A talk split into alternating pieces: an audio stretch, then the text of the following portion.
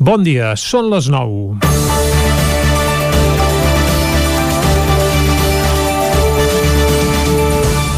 Ara mateix estem en confinament comarcal, però tot fa pensar que a partir del 26 d'abril les mesures de confinament podrien canviar i sembla que la mobilitat es podria ampliar a regions sanitàries o a vegueries. Aquesta possibilitat, que ja va deixar entreveure el conseller d'Interior, Miquel Samper, a finals de la setmana passada, reobre el debat de la divisió territorial, un tema que a bona part de Catalunya és evident que no està ben resolt. Aplicar la divisió per vegueries o regions sanitàries permetria que un veí de les Lloses pugui anar fins a Portbou a fer el cafè, però en canvi no pugui anar fins a Montesquieu, que és a 5 minuts a comprar el diari. O també permetria que un veí de Sant Martí de Centelles pugui fer 100 quilòmetres fins a Sant Llorenç de Morunys, que ja és de la província de Lleida, però no pugui travessar el carrer per anar a Aigua Freda. Ja es veu que tot plegat no té gaire sentit. Potser el més adient seria ampliar la mobilitat a les comarques veïnes, de manera que, per exemple, els residents a Osona es podessin desplaçar lliurement a visitar els veïns del Ripollès, el Berguedà, Berguedà, el Moianès, el Vallès Oriental, la Selva, la Garrotxa o el Ripollès. I així a tot arreu, però si parlem d'ampliar-ho a vegueries o regions sanitàries, en el nostre cas és evident que hi ha coses que no lliguen. Osona té poc a veure amb el Solsonès i, en canvi, té una relació històrica molt arrelada amb el Ripollès. Ho avala una edició del 9-9 conjunta, amb dècades a les espatlles, o la multitud d'aparellaments entre ripollesos i usonenques, o entre ripolleses i usonencs, o, o bé, una mescla de, del que vulgueu. El mateix podríem dir també entre el Moianès i el Vallès Oriental i de Exemples com aquests n'hi ha moltíssims. Fa uns anys, quan s'havia parlat mig seriosament de les vegueries, a Osona i el Ripollès va fer certa fortuna la demanda de la vegueria de l'Alter, una iniciativa que havia de germanar Osona, el Ripollès i també la Garrotxa. L'Alter, però, no va acabar d'arrelar, o almenys ho va fer amb molta menys força que un moviment similar impulsat al Penedès, on sí que la vegueria ha calat. Per trobar la solució definitiva, però, no cal mirar el Penedès. La solució la tenim a casa nostra, aquí, a Territori 17. Si aquest programa és una realitat cada dia des de fa més de dos anys, no és perquè sí, és perquè l'eix de la C-17 existeix més enllà d'una carretera o d'un invent postís. Per tant, si hem d'ampliar el confinament més enllà de la comarca, aconsellem Aconsellem a la gent del Procicat que a casa nostra ni vegueries, ni bisbats, ni regions sanitàries. Volem el confinament per territoris i ens quedem al territori 17, amb el Ripollès, Osona, el Moianès i el Vallès Oriental. I dit això, comença Territori 17, ja ho sabeu, a la sintonia d'emissores veïnes i germanes, el 9 FM, la veu de Sant Joan, Ràdio Cardedeu, Ona Codinenca i el 9 TV. Territori 17, amb Vicenç Vigues i Jordi Sunyer. Són les 9 i 3 minuts del dimarts, dia 20 d'abril de 2021. Comença ara mateix un nou Territori 17 que avui, com sempre, durant la primera hora us acostarà tota l'actualitat de les nostres comarques. Després, com que som dimarts, les seccions habituals del segon dia de la setmana. Avui, per exemple, tindrem el Buscat la Vida amb la Txela Falgueres, parlarem d'economia amb en Joan Carles Arredondo i avui acabarem parlant de medi ambient acompanyats de l'Èlia Bretxa del Centre d'Estudis dels Rius Mediterranis, amb qui repassarem les sortides naturalistes per aquest any 2001 previstes i organitzades des del centre. Tot això i moltes coses més les farem des d'ara mateix i fins al punt de les 12 del migdia, aquí, a Territori 17. I com sempre, el que toca ara és arrencar tot fent un repàs a l'actualitat de les nostres comarques, les comarques del Ripollès, Osona, el Moianès i el Vallès Oriental. Ahir va començar un cribratge massiu de Covid-19 al campus Bigatà de la Universitat de Vic, Universitat Central de Catalunya.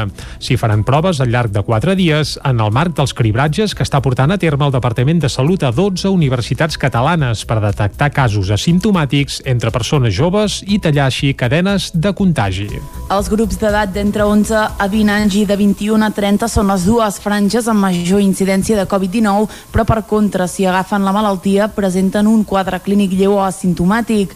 És per això que en el marc de l'estratègia de gestió de la pandèmia des del Departament de Salut s'ha decidit impulsar cribratges a la comunitat universitària per tal de poder arribar a aquests grups d'edat, detectar persones asimptomàtiques i tallar les cadenes de transmissió del virus. Durant el primer dia hi van acudir menys estudiants dels previstos, tot i que també n'hi podien acudir d'altres universitats que no siguin la de Vic. Judit Ballesteros és infermera responsable de la unitat mòbil de cribratge cribratges a Osona. Ens vam marcar uns números, vam demanar la participació que hi ha normalment de l'alumnat en la Universitat de Vic i ens van comentar doncs, que un 50% aproximadament tot i que estem veient que és una miqueta més baix del que esperàvem, però esperem doncs, que la gent vingui, avui és a l'inici, encara tenen tres dies més per endavant i pot venir tothom que vulgui, que estudiï aquí o que estudiï fora. El cribratge realitza per mitjà de PCR amb automostra nasal i també s'ofereix la possibilitat de fer-se un test serològic ràpid per detectar anticossos i saber així si ja s'ha passat la malaltia. Els participants poden decidir si es realitzen només una prova o totes dues i el resultat es podrà consultar a través de la meva salut. Andrea Mellado és una de les estudiants que ahir va passar pel cribratge. Bueno, vaig decidir fer-ho perquè així ens cuide, bueno, em cuido jo i ens cuidem tots al saber si tenim el virus o no. Tot i que em pensava que seria pitjor, eh, sobretot la, la PCR, perquè ja m'havia fet una i és això de que molesta molt, però no ha estat per tant, sincerament, i la punxada del dit tampoc. El cribratge a la Universitat de Vic continuarà encara fins dijous.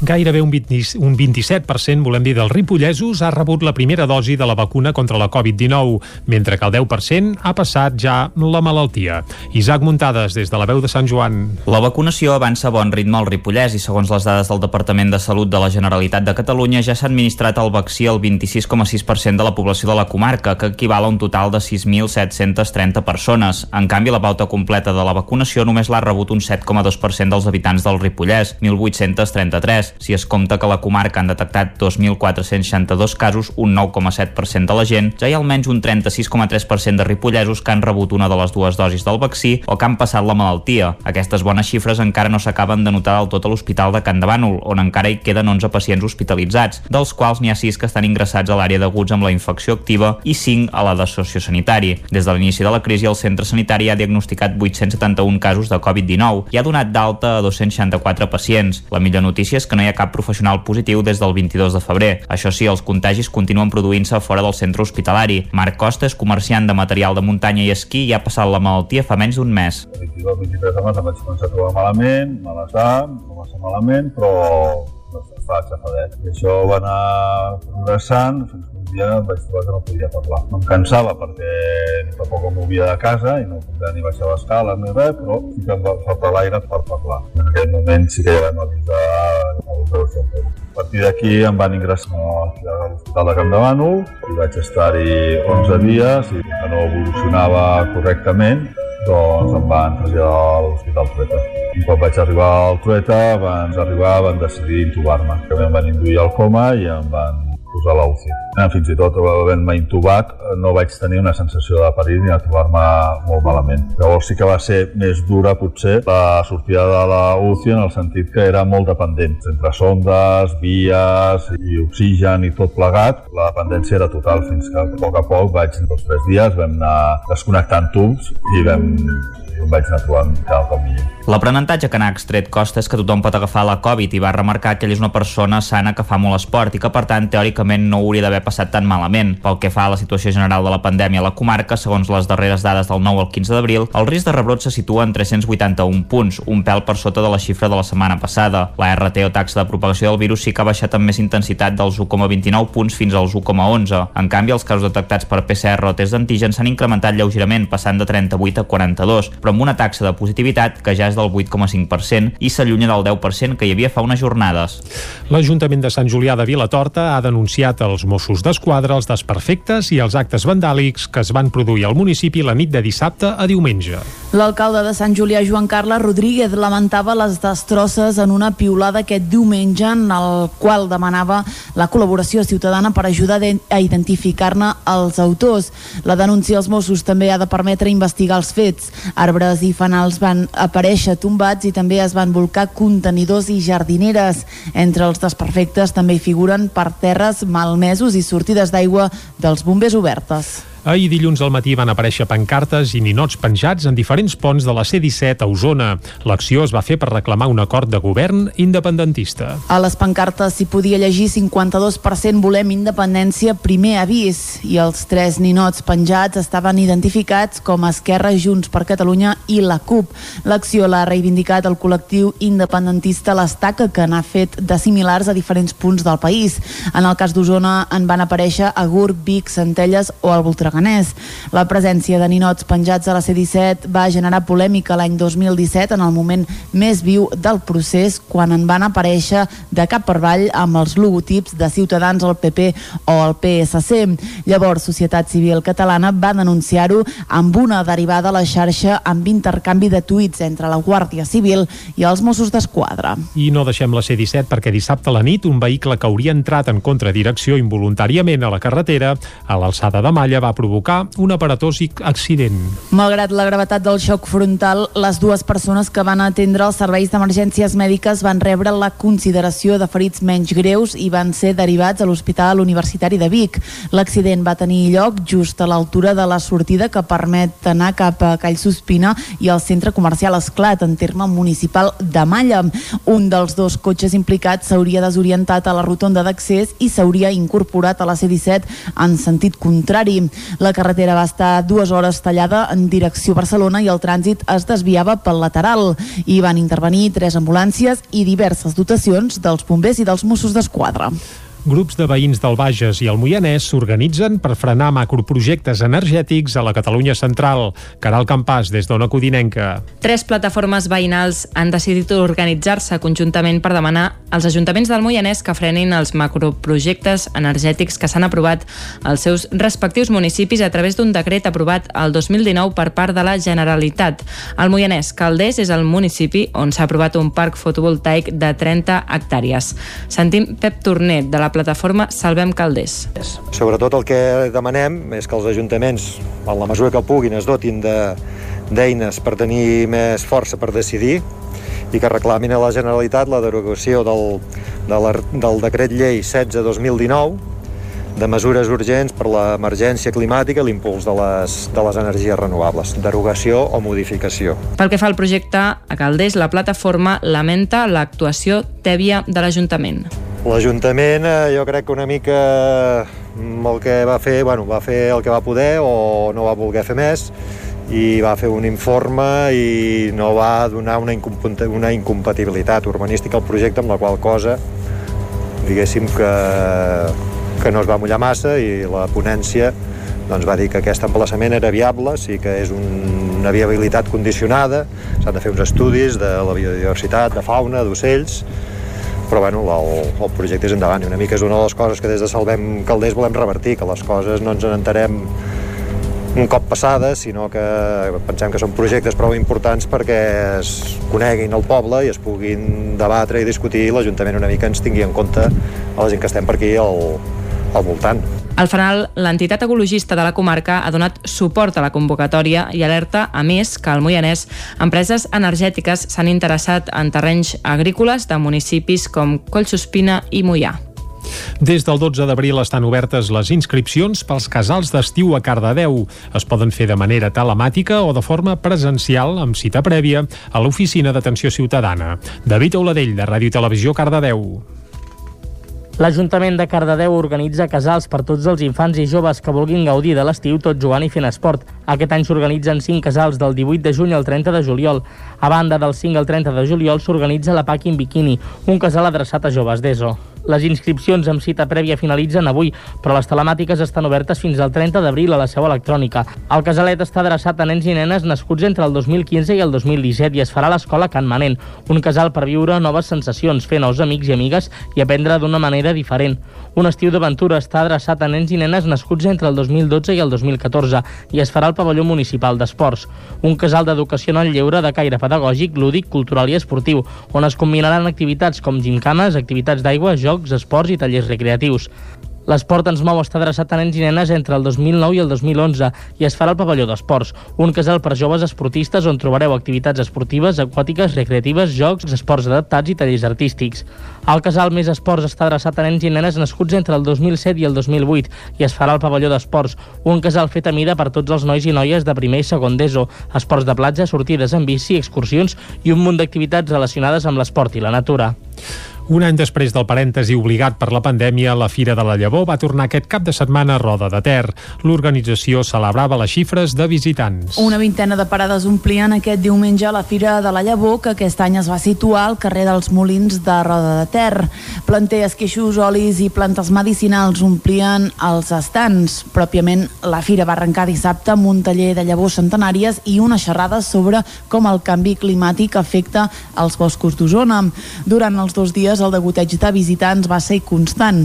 Diumenge a les 5 de la tarda ja hi havien passat més de 400 persones, ho explicava Núria Rabola, regidora de promoció econòmica de l'Ajuntament de Roda sabíem eh, que podíem tenir molta afluència perquè evidentment el, el, el, el confinament comarcal doncs, eh, per una part en aquest sentit per l'activitat ha ajudat però també és veritat que ens venia és una fira temàtica que, que ja fa 9 anys que es fa, que, que té molt ressò i que per tant una part de persones que venien de fora doncs, en aquest cas no han pogut, no han pogut assistir no? El Banc de Llavors va tornar a ser una de les icones de la fira.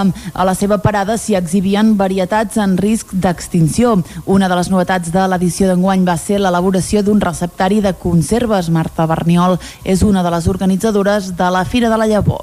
Farem algunes de les novetats de la fira, que presentarem un... Bueno, no el presentarem perquè de fet no el penjarem fins aquí unes setmanes, un petit receptari de conserves, perquè aquest any no hem pogut fer l'emblemàtic concurs de conserves, Llavors hem demanat a la gent que ens faci arribar conserves i quan en tinc, ja les tinguem recollides les penjarem a la web de la fira perquè potser d'aquí l'any que ve tindrem alguna d'aquestes receptes participant al concurs de conserves. L'any que ve, amb el desè aniversari de la Fira, Ajuntament i Organització entomen junts un nou repte, repensar la proposta per dotar-la d'un caràcter encara més col·laboratiu. I fins aquí el butlletí informatiu que us hem ofert amb les veus de Clàudia Dinarès, David Auladell, Caral Campàs i Isaac Muntades. I ara el que toca és fer un comptull al temps. Anem-hi.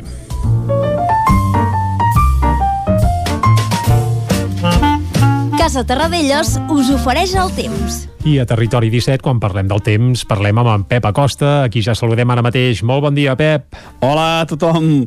Bon dia. Molt bon dia i benvinguts a la informació del temps. Gràcies. Què tal esteu? Bé, anar fent, anar fent. Pel que fa al temps, avui tenim canvis. Ah, avui aviam. se'ns acosta un front atlàntic uh Mhm. -huh. i ens portarà canvis. Ara mateix ja està plovent cap a l'oest de Catalunya i mica en mica eh, aquest front ja escombrant tot el nostre país i ens portarà pluja. Però bueno, anem a pams, anem a pams. Uh, comencem, com sempre, a parlar una mica del passat. Uh -huh. I és que ahir mm, va ser un dia força tranquil. A la tarda van créixer nuvolades i vam tenir algunes petites precipitacions cap al Pirineu. Molt poca cosa. Uh -huh. uh, un litre tot estirar cap a la zona Baiter i zones pròximes, però vaja, va ser un, uns ruixats molt poc, molt poc importants. Jo pensava que plauria una mica més, que els núvols creixerien una mica més de força, però vaja, mm, al final molt poca cosa, eh? molt poca cosa. I amb unes temperatures màximes una mica més altes, l'ambient és més suau. La majoria de valors entre els 15 i els 18 graus de màxim els que vam tindre ahir. Hi ha temperatures encara una mica més baixes per l'època de l'any, encara no som no, no estem a valors normals. Mm, però sí que ja no fa tant, tant de, de fred com el cap de setmana i avui, com deia, anem ja pel dia d'avui. Hem començat amb unes temperatures també més altes, uh, les mínimes, la majoria entre els 5 i els 10 graus, les zones més fredes encara per sota aquests 5 graus i només petites glaçades a les zones més altes del Pirineu. Uh, per què fa aquest ambient més suau? També ara, com sempre dic, uh, hi ha núvols. Els núvols és com un, com un llençol, eh, com una manta, que protegeix el, el, sol terrestre i fa que la temperatura pugi. Mm, és així, és eh, aquesta capa de núvols fa que no baixin tant les temperatures a la nit. Si no hi hagués aquesta capa de núvols, sense la capa de núvols, aquesta nit hagués sigut també bastant freda. Mm, Però bueno, aquesta, aquests núvols han ajudat que la temperatura sigui una mica més suaus. Aquests núvols n'hi ha a més. Aquest front atlàntic va entrant, n'hi ha a més aquests núvols, i de cara a la tarda precipitarà. Eh, jo crec que eh, plourà poc. Uh -huh. eh, sobretot cap a la zona del Pirineu, cap al nord és on plourà més, entre els 5 i els 10 litres, a la majoria de les poblacions fora del Pirineu entre el 0 i els 5, molt poca cosa. La cota neu, 1.800-1.900 metres. Vents variables, fluixos, com a molt moderats de l'oest a les zones més altes de les nostres muntanyes. Uh, no, no serà un vent molt, molt fort, ni molt menys. De cara a demà, m'avanço una mica, sembla que serà el dia més plujós de la setmana, demà sí que podem tenir algunes precipitacions de més de 10-15 litres, veurem al final, perquè sempre... Uh, quan hi ha precipitacions, quan uh, es preveuen pluges, jo m'animo, sempre dic uh, un número Això de és cert. litres, uh, Sí, no sí, hauria sí. de, de precipitar tant, però sempre dic, mira, plou tants litres i al final no plou gaire, és que no sé què passa aquests últims Sant eh, Pere, dies, Sant Pere t'escolta. últims mesos, que quan dic pluges no, no plou tant, però bueno, mm, em torno a animar, jo crec que, que demà sí que, que plourà més, i de cara a Sant Jordi, també avanço data important, eh, sembla que podem viure una mica més... Una, hi haurà més, més, més coses a fer per Sant Jordi. Uh, farà bo, farà bo, però bueno, ja anirem concretant, però sembla que tindrem un dia força assolellat i amb unes temperatures força suaus. I això és tot. Uh, avui, com deia, ve aquest front atlàntic, les temperatures ara una mica més, més altes que les d'ahir, durant el dia una mica més baixes, les màximes entre els 15 i els 17 graus a majoria de les temperatures, i pluges, pluges que veurem quin, quin balanç acaben deixant. Jo crec que la majoria entre els 0 i els 5 litres, només per sobre els 5 litres a la zona del Pirineu. Moltes gràcies i fins demà. Bon dia. Doncs vinga, Pep, moltes gràcies. Esperem que, bé, aquestes pluges que ens anunciïs que acabin caient, que fan, fan falta. Uh, fet aquest apunt, anem ara cap al quiosc a repassar què diuen les portades de la premsa d'avui. Anem-hi. Casa Tarradellas us ha ofert aquest espai. Territori 17. Envia'ns les teves notes de veu per WhatsApp al 646 079 023. 646 079 023. WhatsApp Territori 17.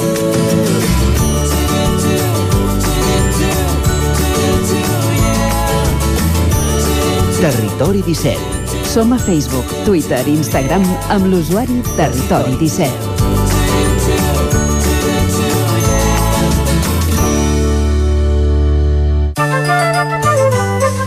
I aquesta visita a la premsa no la fem sols, la fem de nou acompanyats per la Clàudia Dinarès. Clàudia, bon dia de nou. Molt bon dia de nou. I comencem el repàs pel punt avui, oi? Exactament, comencem pel punt avui que diu Sant Jordi ordenat. El dia del llibre i la Rosa torna amb força després de l'aturada del 2020. Les parades seran en zones amb perímetre assegurat i davant les llibreries. A la imatge, primer punt de vacunació massiva. El Palau de Fires de Girona es converteix en, en el primer dels punts de vacunació massiva que hi haurà a Catalunya. Avui a totes les portades continua aquesta guerra oberta després de l'anunci de la Superliga Europea. De fet, és el titular que avui torna a obrir el diari Ara. La Superliga diu revolta al món del futbol. El projecte amenaça la UEFA, enfurisma els clubs modestos i deixa Bayern i PSG descol·locats. A la imatge, un helicòpter de la NASA sobrevola Mart i Sanitat estudia ajornar fins a dos mesos la segona dosi de Pfizer als menors de 80 anys. En política, ultimàtum d'Esquerra Junts per Catalunya per pactar abans del dia 1 de maig. Anem al periòdico que diu clamor contra la Superliga. La Comissió Europea i diversos governs, entre ells l'espanyol, rebutgen el pla de la nova competició. Real Madrid, Manchester City i Chelsea podrien quedar fora de l'actual Champions League. A la imatge, Sant Jordi amb firmes sanes. El braç d'un robot estampa rúbriques a, a distància per al·ludir al coronavirus. I Sanitat proposa retardar les segones dosis per vacunar més. Anem a l'avantguàrdia que obre amb aquesta guerra oberta en el futbol per l'anunci de la Superliga tornem a veure aquest primer vol terrícola a Mart i aquest robot que, com dèiem fa un moment, firma doncs, per Sant Jordi una manera doncs, eh, per evitar contactes eh, i així evitar risc de contagi de coronavirus. Un últim titular i anem a Madrid. Navalny entra a l'hospital després de 20 dies de vaga de fam. Molt bé, anem ara a més portades encara. Anem cap a les que s'editen a Madrid. Exacte, anem a Madrid, anem concretament al país que diu la Superliga xoca amb les federacions i els governs. La UEFA amenaça els clubs d'excloure'ls tan aviat com sigui possible. Sanitat i les autonomies, per la seva banda, debaten retrasar les segones dosis de la vacuna. Al món dels governs europeus s'alcen contra el club dels equips rics. La policia, canviem de tema, detecta suborns de l'exambaixador de Zapatero a un alt càrrec de Chávez i Brussel·les tutela amb 100 reunions al pla espanyol per la recuperació. Avancem amb la Razón que diu xantatge de la UEFA al futbol. A la imatge que hi veiem és a Florentino Pérez que precisament diu que va crear aquesta Superliga per salvar el món del futbol que diu que s'estava morint. En política, Casado es veu a la Moncloa i posa el Partit Popular en campanya després del 4M i Sanitat retarda la segona dosi a 8 setmanes. Com sempre, acabem amb l'ABC, que avui entrevista Pablo Casado, aquí veiem també a la portada. Casado diu que el govern està despullat perquè ha sigut incompetent i s'ha basat en la mentida. A la part inferior de la portada hi veiem aquesta guerra al futbol europeu ultimàtum, diu, de la UEFA a la Superliga. Doncs aquesta revolució que s'està plantejant al futbol europeu que apareix a totes les portades, tant de la premsa nacional com també a la que s'edita a Madrid. Recordem que aquesta Superliga que s'està projectant estaria presidida per Florentino Pérez, president del Real Madrid, i s'hi haurien apuntat alguns dels principals clubs que hi ha ara mateix a Europa, amb algunes excepcions. Per exemple, no hi ha cap equip francès, ni tampoc, de moment, cap d'Alemany. Això ho haurem de seguir de ben a prop perquè segur que, que, vaja, que la notícia tot just acaba d'arrencar, ja veurem com acaba espategant tot plegat. El que toca, però, ara aquí a Territori 17 és tancar el bloc informatiu i deixar les portades d'avui. Moltes gràcies, Clàudia. I nosaltres ara el que farem és anar a fer una breu pausa i tornarem a dos quarts en punt acostant-vos de nou la informació de casa nostra, la informació de les comarques del Ripollès, Osona, el Moianès i el Vallès Oriental. Fins ara mateix. El nou FM, la ràdio de casa, al 92.8. Rètols 2A. Experts en comunicació visual. Rètols, banderoles, vinils, impressió, plaques gravades, senyalització, display... Rètols 2Art. Ja són 25 anys al vostre servei. Ens trobareu a la carretera de Vic a Olot, número 7, al polígon Malloles de Vic. dosartvic.com Telèfon 93 889 2588. Busquem mares i pares amb consciència. Nodrissa Cuina Escolar és un servei per a menjadors escolars amb uns criteris nutricionals molt seriosos. Som a la comarca d'Osona, Gurb, des d'on cuinem diàriament l'aliment pels vostres fills i filles. Productes de proximitat, canell de cuina i servei seriós. Volem treballar amb i per a vosaltres i si alguna cosa hem après és que no tot s'hi val. Producte i servei exigent per uns clients honestos. Nodrissa Cuina Escolar, el teu nou partner per al vostre menjador escolar. Entra a nodrissa.cat i informa-te'n.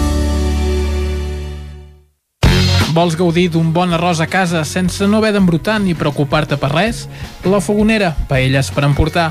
Un seguit de paelles, tapes, platets i postres casolans pensats per a paladars exigents. Ara més, fem menús per a petits grups de comensals. La Fogonera, la rosseria de paelles per emportar a GURB i que també et portem a casa. Telèfon 93 851 55 75 i a lafogonera.cat. I quan cau la nit, Pupurri Culinari, solucions per sopar les nits de divendres i dissabte. Entra a pupurriculinari.cat i tria.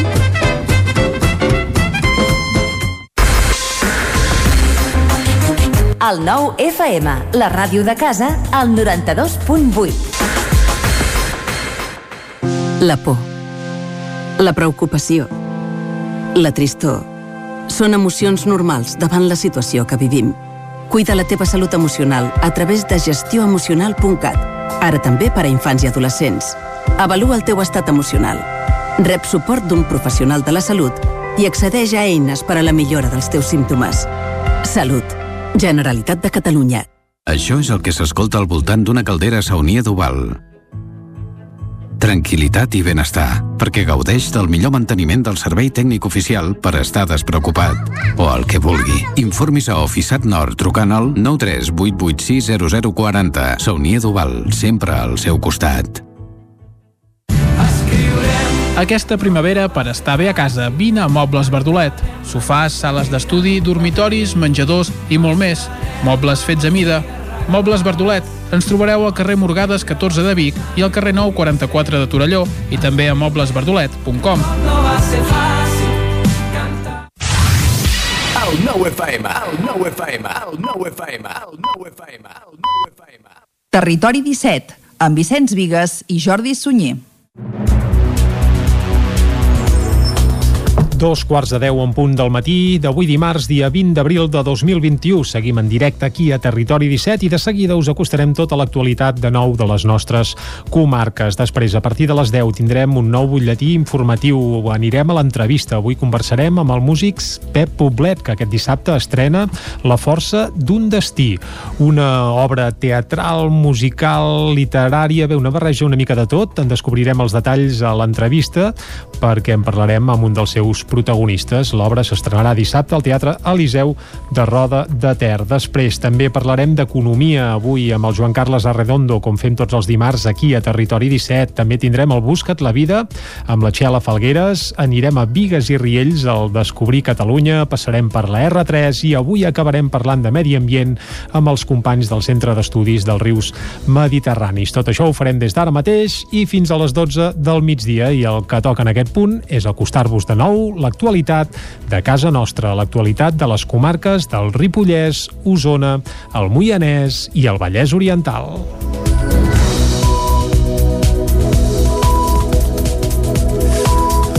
Ahir va començar un cribratge massiu de Covid-19 al campus biguetà de la Universitat de Vic, Universitat Central de Catalunya.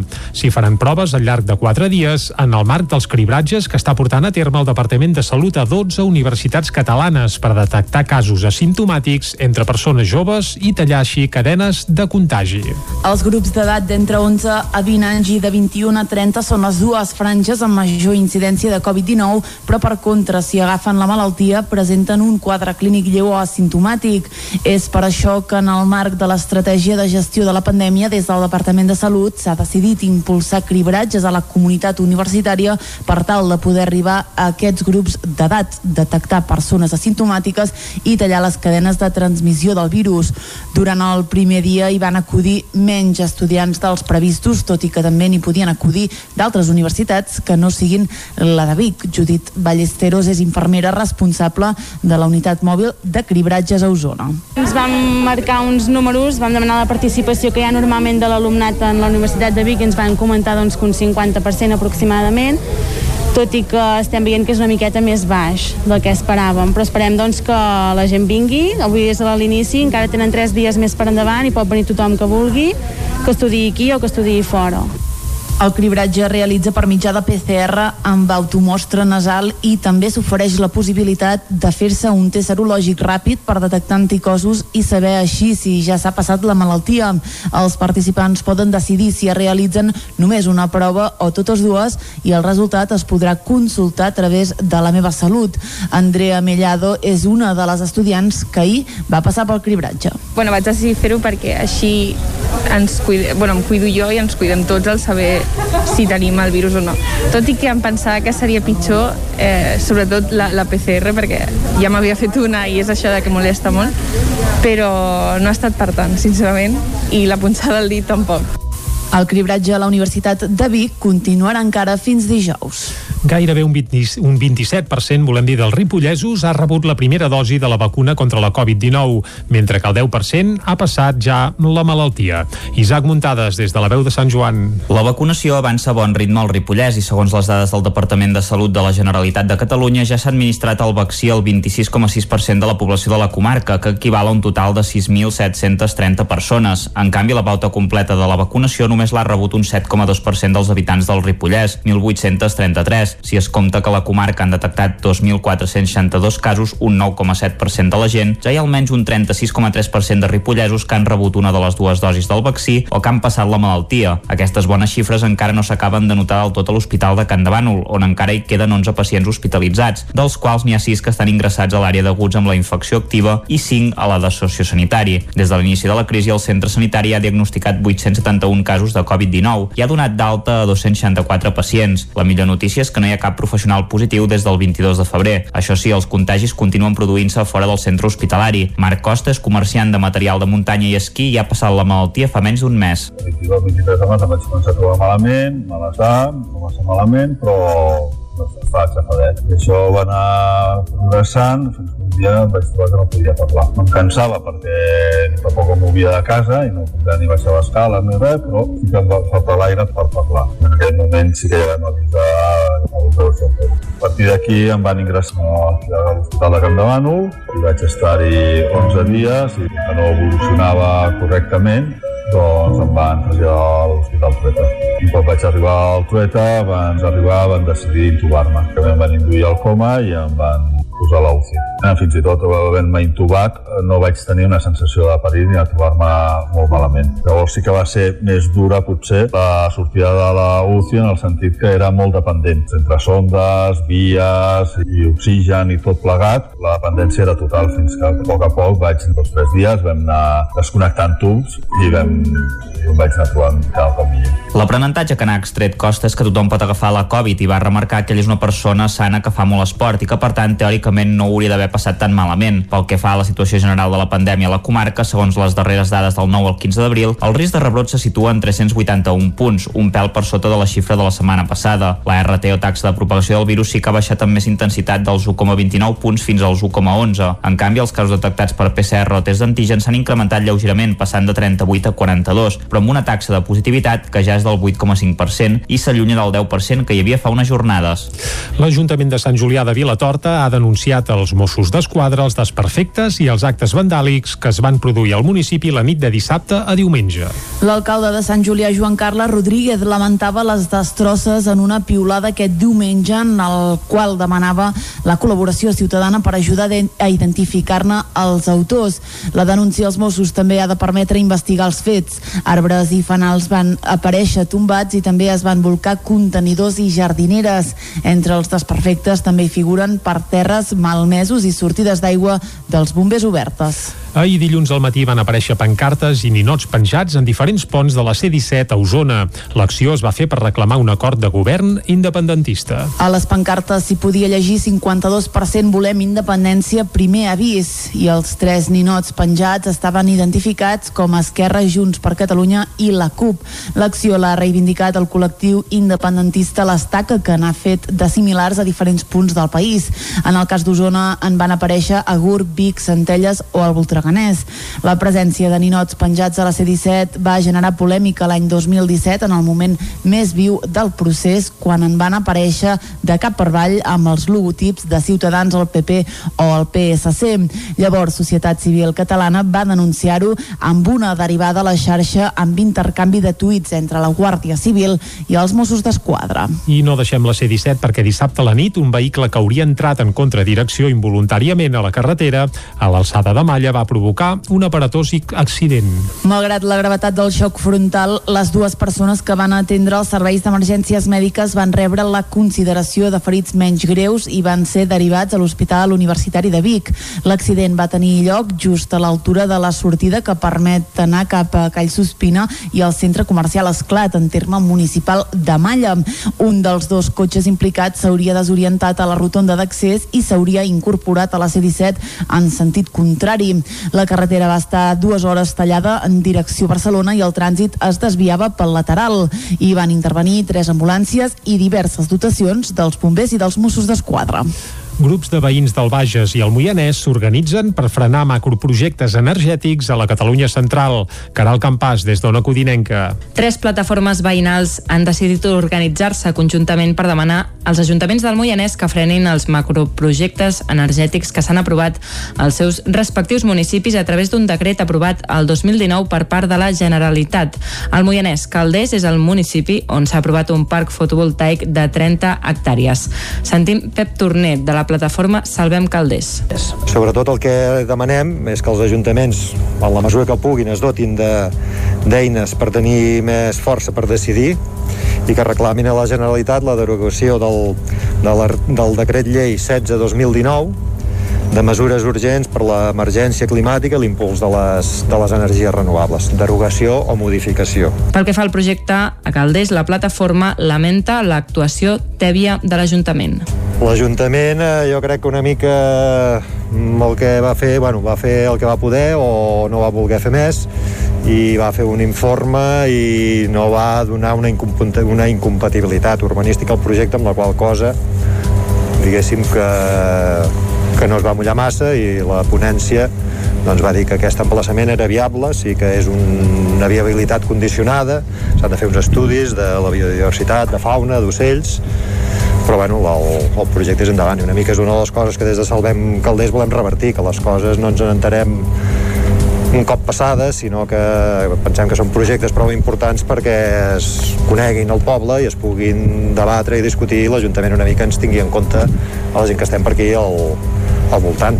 Al final, l'entitat ecologista de la comarca ha donat suport a la convocatòria i alerta, a més, que al Moianès empreses energètiques s'han interessat en terrenys agrícoles de municipis com Collsospina i Moià. Des del 12 d'abril estan obertes les inscripcions pels casals d'estiu a Cardedeu. Es poden fer de manera telemàtica o de forma presencial amb cita prèvia a l'oficina d'atenció ciutadana. David Oladell, de Ràdio Televisió Cardedeu. L'Ajuntament de Cardedeu organitza casals per tots els infants i joves que vulguin gaudir de l'estiu tot jugant i fent esport. Aquest any s'organitzen 5 casals del 18 de juny al 30 de juliol. A banda del 5 al 30 de juliol s'organitza la Paquin Bikini, un casal adreçat a joves d'ESO. Les inscripcions amb cita prèvia finalitzen avui, però les telemàtiques estan obertes fins al 30 d'abril a la seu electrònica. El casalet està adreçat a nens i nenes nascuts entre el 2015 i el 2017 i es farà a l'escola Can Manent, un casal per viure noves sensacions, fer nous amics i amigues i aprendre d'una manera diferent. Un estiu d'aventura està adreçat a nens i nenes nascuts entre el 2012 i el 2014 i es farà al pavelló municipal d'esports. Un casal d'educació en el lleure de caire pedagògic, lúdic, cultural i esportiu, on es combinaran activitats com gimcanes, activitats d'aigua, jocs, esports i tallers recreatius. L'esport ens mou està adreçat a nens i nenes entre el 2009 i el 2011 i es farà al pavelló d'esports, un casal per joves esportistes on trobareu activitats esportives, aquàtiques, recreatives, jocs, esports adaptats i tallers artístics. El casal Més Esports està adreçat a nens i nenes nascuts entre el 2007 i el 2008 i es farà al pavelló d'esports, un casal fet a mida per tots els nois i noies de primer i segon d'ESO, esports de platja, sortides en bici, excursions i un munt d'activitats relacionades amb l'esport i la natura. Un any després del parèntesi obligat per la pandèmia, la Fira de la Llavor va tornar aquest cap de setmana a Roda de Ter. L'organització celebrava les xifres de visitants. Una vintena de parades omplien aquest diumenge la Fira de la Llavor, que aquest any es va situar al carrer dels Molins de Roda de Ter. Planter, esqueixos, olis i plantes medicinals omplien els estants. Pròpiament, la Fira va arrencar dissabte amb un taller de llavors centenàries i una xerrada sobre com el canvi climàtic afecta els boscos d'Osona. Durant els dos dies el degoteig de visitants va ser constant. Diumenge a les 5 de la tarda ja hi havien passat més de 400 persones, ho explicava Núria Rabola, regidora de promoció econòmica de l'Ajuntament de Roda sabíem eh, que podíem tenir molta afluència perquè evidentment el, el, el, el confinament comarcal doncs, eh, per una part en aquest sentit per l'activitat ha ajudat però també és veritat que ens venia és una fira temàtica que, que ja fa 9 anys que es fa, que, que té molt ressò i que per tant una part de persones que venien de fora doncs, en aquest cas no han pogut, no han pogut assistir no? El Banc de Llavors va tornar a ser una de les icones de la fira. A la seva parada s'hi exhibien varietats en risc d'extinció. Una de les novetats de l'edició d'enguany va ser l'elaboració d'un receptari de conserves. Marta Berniol és una de les organitzadores de la Fira de la Llavor. Farem algunes de les novetats de la fira, que presentarem un... Bueno, no el presentarem perquè de fet no el penjarem fins aquí unes setmanes, un petit receptari de conserves, perquè aquest any no hem pogut fer l'emblemàtic concurs de conserves, llavors hem demanat a la gent que ens faci arribar conserves i quan tinc, ja les tinguem recollides les penjarem a la web de la fira perquè potser d'aquí de l'any que ve tindrem alguna d'aquestes receptes participant al concurs de conserves. L'any que ve, amb el desè aniversari de la Fira, Ajuntament i Organització entomen junts un nou repte, repensar la proposta per dotar-la d'un caràcter encara més col·laboratiu. I fins aquí el butlletí informatiu que us hem ofert amb les veus de Clàudia Dinarès, David Auladell, Caral Campàs i Isaac Muntades. I ara el que toca és fer un comptull al temps. Anem-hi. Casa Terradellos us ofereix el temps. I a Territori 17, quan parlem del temps, parlem amb en Pep Acosta, aquí ja saludem ara mateix. Molt bon dia, Pep. Hola a tothom, bon molt bon dia i benvinguts a la informació del temps. Gràcies. Què tal esteu? Bé, anar fent, anar fent. Pel que fa al temps, avui tenim canvis. Ah, avui aviam. se'ns acosta un front atlàntic uh Mhm. -huh. i ens portarà canvis. Ara mateix ja està plovent cap a l'oest de Catalunya i mica en mica eh, aquest front ja escombrant tot el nostre país i ens portarà pluja. Però bueno, anem a pams, anem a pams. Uh, comencem, com sempre, parlant una mica del passat. Uh -huh. I és que ahir va ser un dia força tranquil. A la tarda van créixer nuvolades i vam tenir algunes petites precipitacions cap al Pirineu. Molt poca cosa. Uh -huh. uh, un litre tot estirar cap a la zona Baiter i zones pròximes, però vaja, va ser un, uns ruixats molt poc, molt poc importants. Jo pensava que plauria una mica més, que els núvols creixerien una mica més de força, però vaja, mm, al final molt poca cosa, eh? molt poca cosa i amb unes temperatures màximes una mica més altes, l'ambient és més suau la majoria de valors entre els 15 i els 18 graus de màxima els que vam tindre ahir hi ha temperatures encara una mica més baixes per l'època de l'any, encara no som no, no estem a valors normals mm, però sí que ja no fa tant tant de, de fred com el cap de setmana. I avui, com deia, anem ja pel dia d'avui. Hem començat amb unes temperatures també més altes uh, les mínimes la majoria entre els 5 i els 10 graus. Les zones més fredes encara per sota aquests 5 graus i només petites glaçades a les zones més altes del Pirineu. Uh, per què fa aquest ambient més suau? També ara, com sempre dic, uh, hi ha núvols. Els núvols és com com un llençol, eh, com una manta, que protegeix el, el, sol terrestre i fa que la temperatura pugi. Mm, és així, és uh, aquesta capa de núvols fa que no baixin tant les temperatures a la nit. Si no hi hagués aquesta capa de núvols, sense la capa de núvols, aquesta nit hagués sigut també bastant freda. Mm, Però bueno, aquesta, ca- aquests núvols han ajudat que la temperatura sigui una mica més suaus. Aquests núvols n'hi ha més aquest front atlàntic va entrant, n'hi ha a més aquests núvols, i de cara a la tarda precipitarà. Eh, jo crec que eh, plourà poc, uh -huh. eh, sobretot cap a la zona del Pirineu, cap al nord és on plourà més, entre els 5 i els 10 litres, a la majoria de les poblacions fora del Pirineu entre el 0 i els 5, molt poca cosa. La cota neu, 1.800-1.900 metres. Vents variables, fluixos, com a molt moderats de l'oest a les zones més altes de les nostres muntanyes. Uh, no, no serà un vent molt, molt fort, ni molt menys. De cara a demà, avanço una mica, sembla que serà el dia més plujós de la setmana, demà sí que podem tenir algunes precipitacions de més de 10-15 litres, veurem al final, perquè sempre...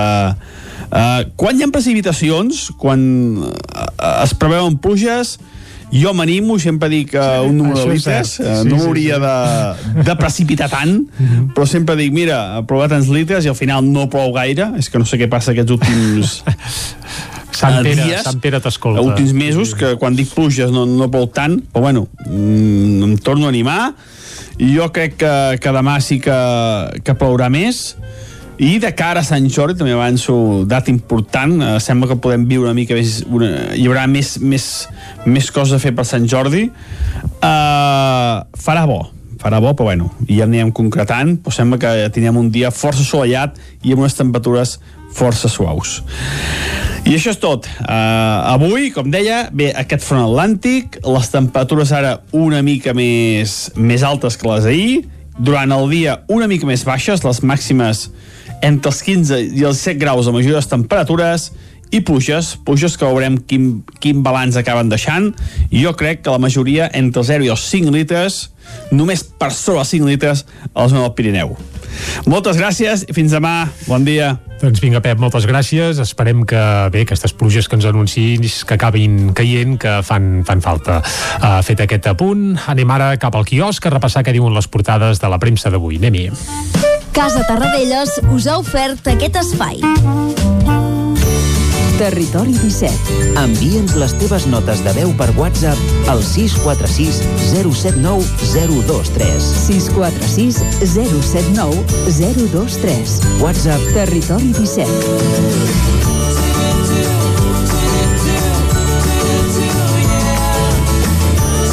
Territori 17. Som a Facebook, Twitter i Instagram amb l'usuari Territori 17.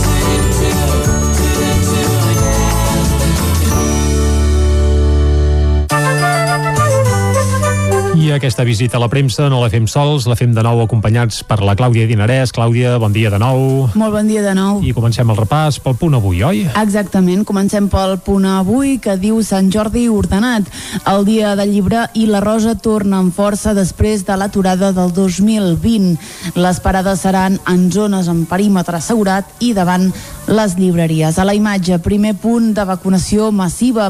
El Palau de Fires de Girona es converteix en, en el primer dels punts de vacunació massiva que hi haurà a Catalunya. Avui a totes les portades continua aquesta guerra oberta després de l'anunci de la Superliga Europea. De fet, és el titular que avui torna a obrir el diari Ara. La Superliga diu revolta al món del futbol. El projecte amenaça la UEFA, enfurisma els clubs modestos i deixa Bayern i PSG descol·locats. A la imatge, un helicòpter de la NASA sobrevola Mart i Sanitat estudia ajornar fins a dos mesos la segona dosi de Pfizer als menors de 80 anys. En política, ultimàtum d'Esquerra Junts per Catalunya per pactar abans del dia 1 de maig. Anem al periòdico que diu clamor contra la Superliga. La Comissió Europea i diversos governs, entre ells l'espanyol, rebutgen el pla de la nova competició. Real Madrid, Manchester City i Chelsea podrien quedar fora de l'actual Champions League. A la imatge, Sant Jordi amb firmes sanes. El braç d'un robot estampa rúbriques a, a distància per eludir el coronavirus. I Sanitat proposa retardar les segones dosis per vacunar més. Anem a l'avantguàrdia que obre amb aquesta guerra oberta en el futbol per l'anunci de la Superliga tornem a veure aquest primer vol terrícola a Mart i aquest robot que, com dèiem fa un moment, firma doncs, per Sant Jordi una manera doncs, eh, per evitar contactes eh, i així evitar risc de contagi de coronavirus. Un últim titular i anem a Madrid. Navalny entra a l'hospital després de 20 dies de vaga de fam. Molt bé, anem ara a més portades encara. Anem cap a les que s'editen a Madrid. Exacte, anem a Madrid, anem concretament al país que diu la Superliga xoca amb les federacions i els governs. La UEFA amenaça els clubs d'excloure'ls tan aviat com sigui possible. Sanitat i les autonomies, per la seva banda, debaten retrasar les segones dosis de la vacuna. Al món dels governs europeus s'alcen contra el club dels equips rics. La policia, canviem de tema, detecta suborns de l'exambaixador de Zapatero a un alt càrrec de Chávez i Brussel·les tutela amb 100 reunions al pla espanyol per la recuperació. Avancem amb la Razón que diu xantatge de la UEFA al futbol.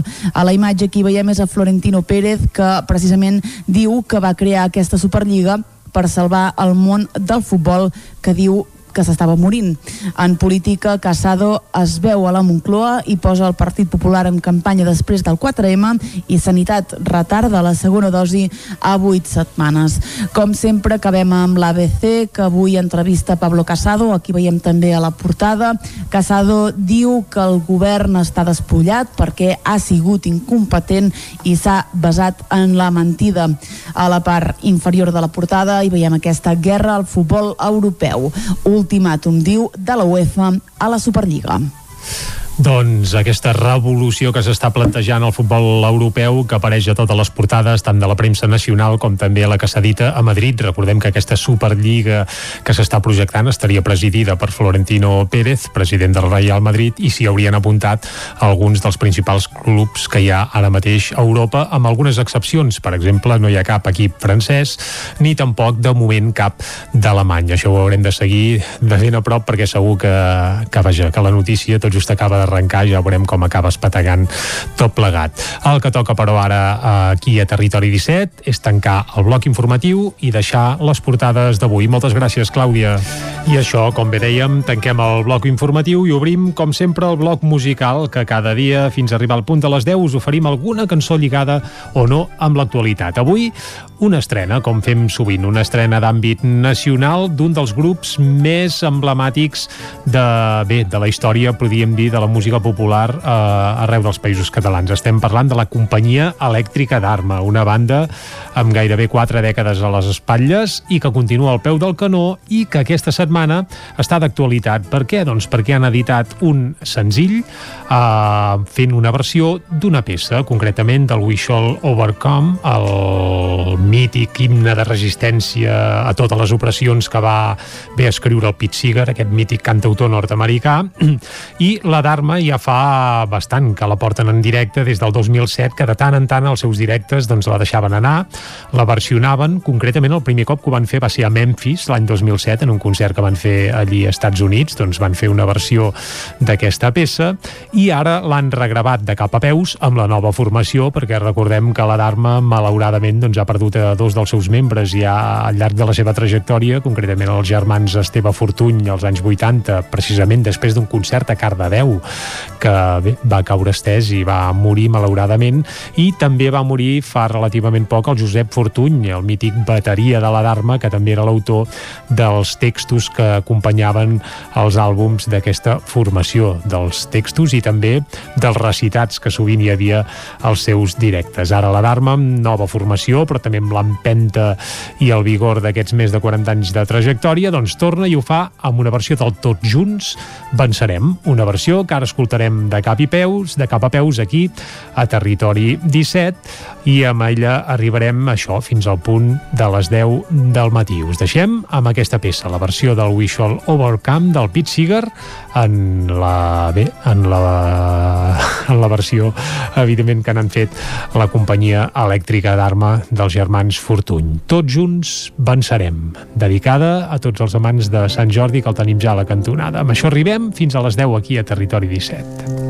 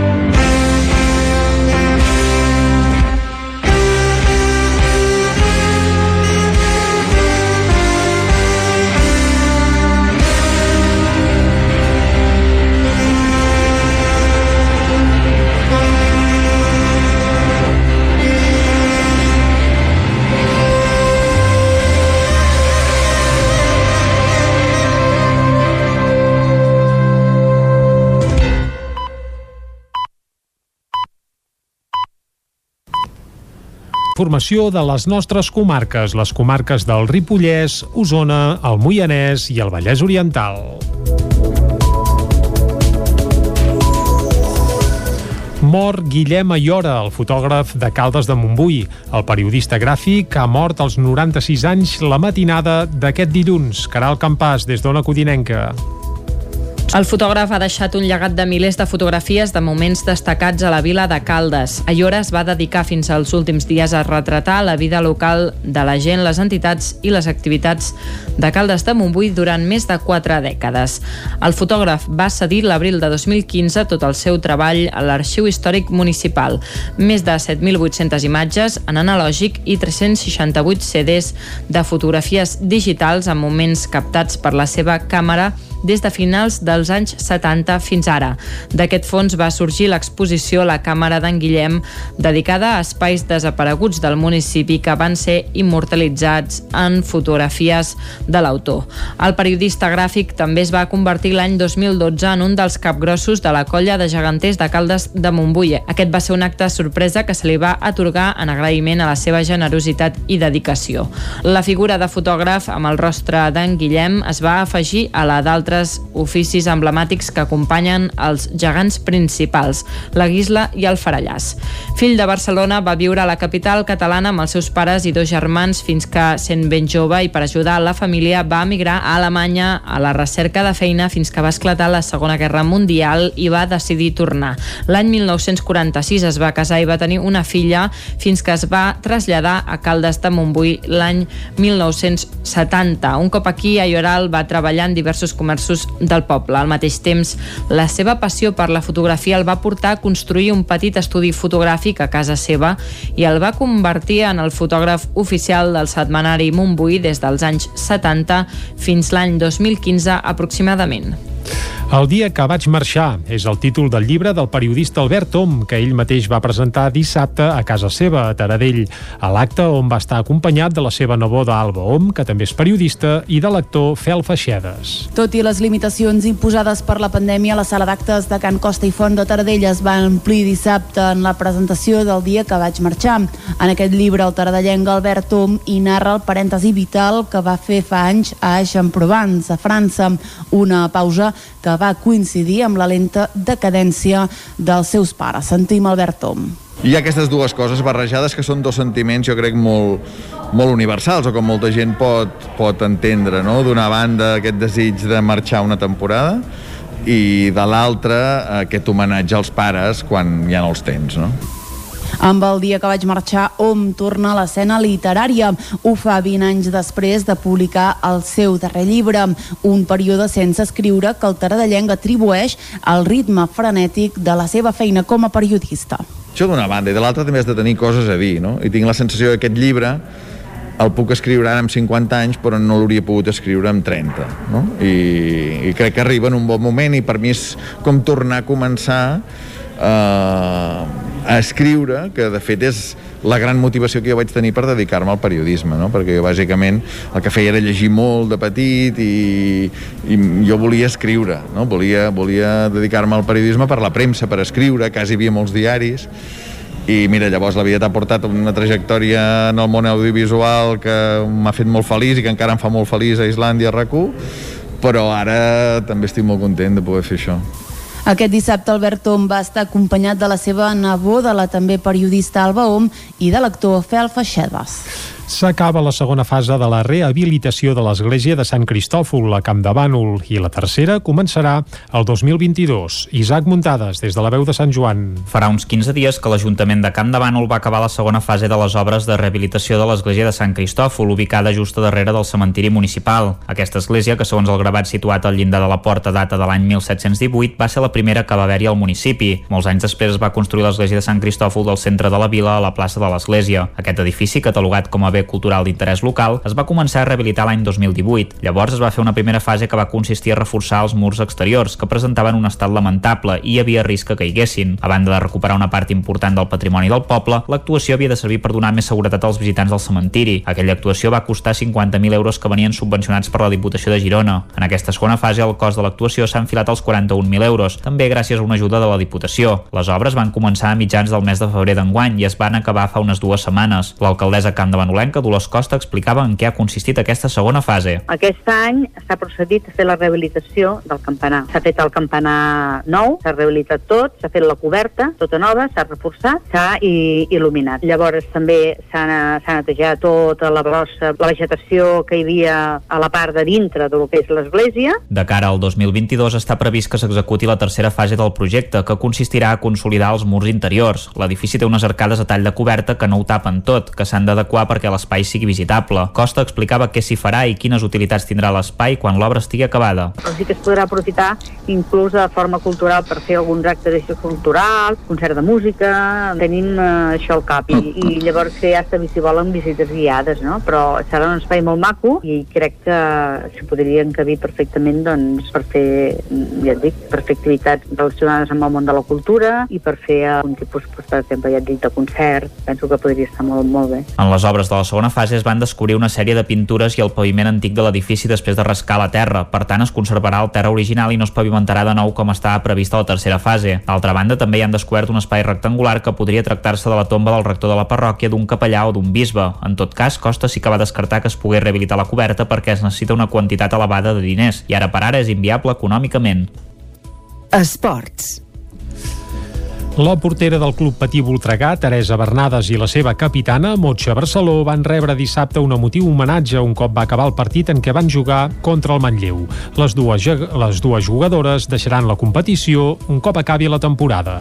El de dissabte va ser l'últim partit a casa i el primer que es disputava en públic. Un cop acabat l'enfrontament es va fer un reconeixement a les jugadores per part del club, l'Ajuntament de Sant Hipòlit, excompanyes d'equip i també jugadores del planter.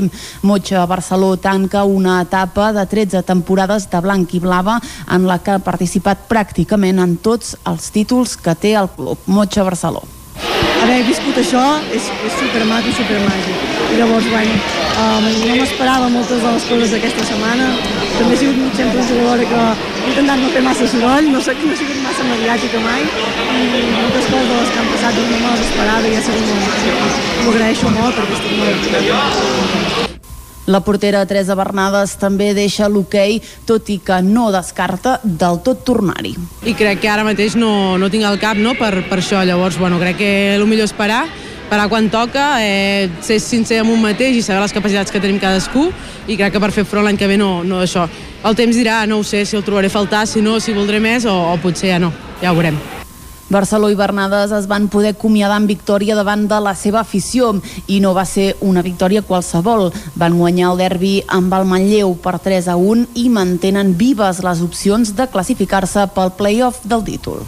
El Vallèsà de Rítmica Cardedeu ha fet aquest cap de setmana l'acte de presentació del club amb el suport dels familiars a les grades. És la primera jornada d'ençà que va començar la pandèmia que es pot fer amb l'assistència de públic. David Oladell, de de Ràdio Televisió Cardedeu. La jornada s'ha dividit per torns segons les categories de les gimnastes i el club ha complert amb el 30% d'aforament de públic a les grades. Alicia Rodríguez, entrenadora de competició del Vallèsà de Rítmica Cardedeu i José Manuel Pontón, vicepresident. Hoy hemos hecho una pequeña muestra que enseñamos los ejercicios de competición, son como la presentación de los individuales y los conjuntos que presentamos esta temporada. Normalmente este, este evento lo hacemos en enero-febrero antes de empezar las competiciones, pero este año debido al coronavirus lo hemos tenido que hacer ahora. Y es la primera competición donde pueden eh, estar los padres i veure a sus hijas en directo. És una cosa que teníem moltes ganes de fer perquè per tot el tema del confinament vam parar l'any passat al febrer, que va ser l'última competició que, que van fer aquí, que va el BCN Comarques, i teníem moltes ganes. Llavors, eh, quan hem vist l'oportunitat que, què sigui restringit eh, es pot entrar en públic, eh, hem decidit fer-ho també perquè, per exemple, l'escola i conjunts aquest any no han competit encara. A individual sí que ha fet alguna coseta i molt per, tant pels pares com per, per les nenes, que li fa molta il·lusió. La jornada va ser tot un èxit. Es va poder veure un públic entusiasmat amb les actuacions de les participants. Per arribar a aquesta actuació, les gimnastes es van estar preparant durant molts mesos on els entrenaments amb el confinament eren en línia. Alicia Rodríguez, entrenadora entrenadora de la competició, i Jana Ortiz, gimnasta de l'Escola del Vallèsà de Rítmica. Eh, les ha costado bastante ya que solo trabajaban a nivel corporal, no podían hacer nada de aparatos y adaptándonos siempre a los espacios que tenían en casa. Escalfàvem l'esquena, les cames, els peus, perquè després aquí eh, poguéssim fer moltes coses més. Actualment la majoria de categories del club ja ha començat les competicions que seguiran fins al mes de juny. Entre setmanes competeix en format online enviant els vídeos al jurat. Les altres competicions es fan a porta tancada o amb un afonament limitat. I fins aquí el butlletí informatiu que us hem ofert, com sempre, amb les veus de Clàudia Dinarès, David Auladell, Caral Campàs i Isaac Muntades. I ara, abans d'anar cap a l'entrevista, avui conversarem amb el músic Pep Poblet. El que farem és fer una nova ullada a la situació meteorològica, perquè sembla que, a més a més, s'acosten canvis. Ho sabrem de seguida amb el Pep Acosta.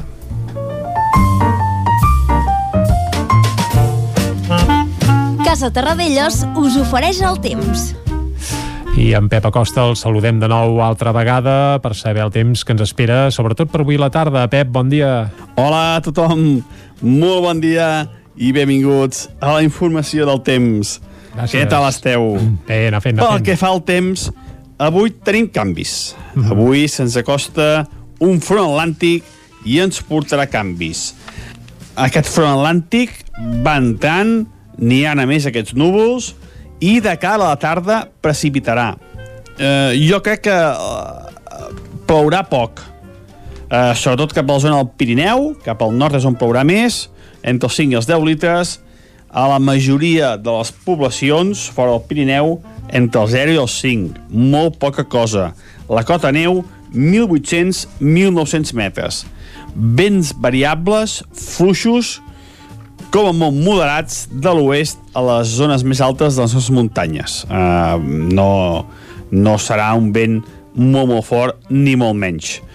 De cara a demà, avanço una mica, sembla que serà el dia més plujós de la setmana, demà sí que podem tenir algunes precipitacions de més de 10-15 litres, veurem al final, perquè sempre... Uh, quan hi ha precipitacions, quan uh, es preveuen pluges, jo m'animo, sempre dic uh, Sí. un número de litres, Això uh, és no cert. hauria de, de precipitar tant, però sempre dic, mira, prova tants litres i al final no plou gaire, és que no sé què passa aquests últims uh, dies, últims mesos, que quan dic pluges no, no plou tant, però bueno, mm, em torno a animar, jo crec que, que demà sí que, que plourà més, i de cara a Sant Jordi, també avanço data important, eh, sembla que podem viure una mica més... Una, hi haurà més, més, més coses a fer per Sant Jordi. Uh, farà bo, farà bo, però bueno, ja anirem concretant, però sembla que tindrem un dia força assolellat i amb unes temperatures força suaus.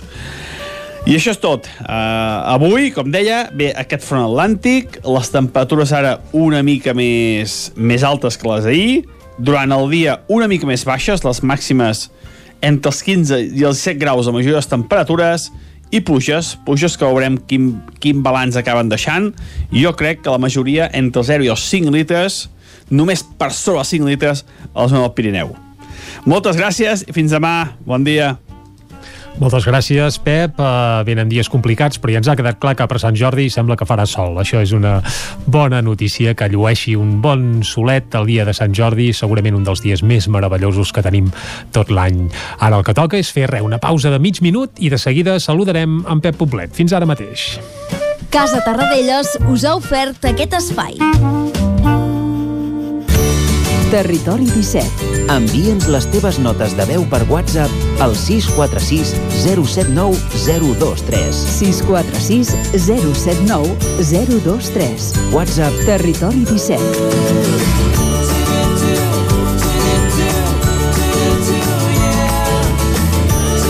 Territori 17. Som a Facebook, Twitter i Instagram amb l'usuari Territori 17.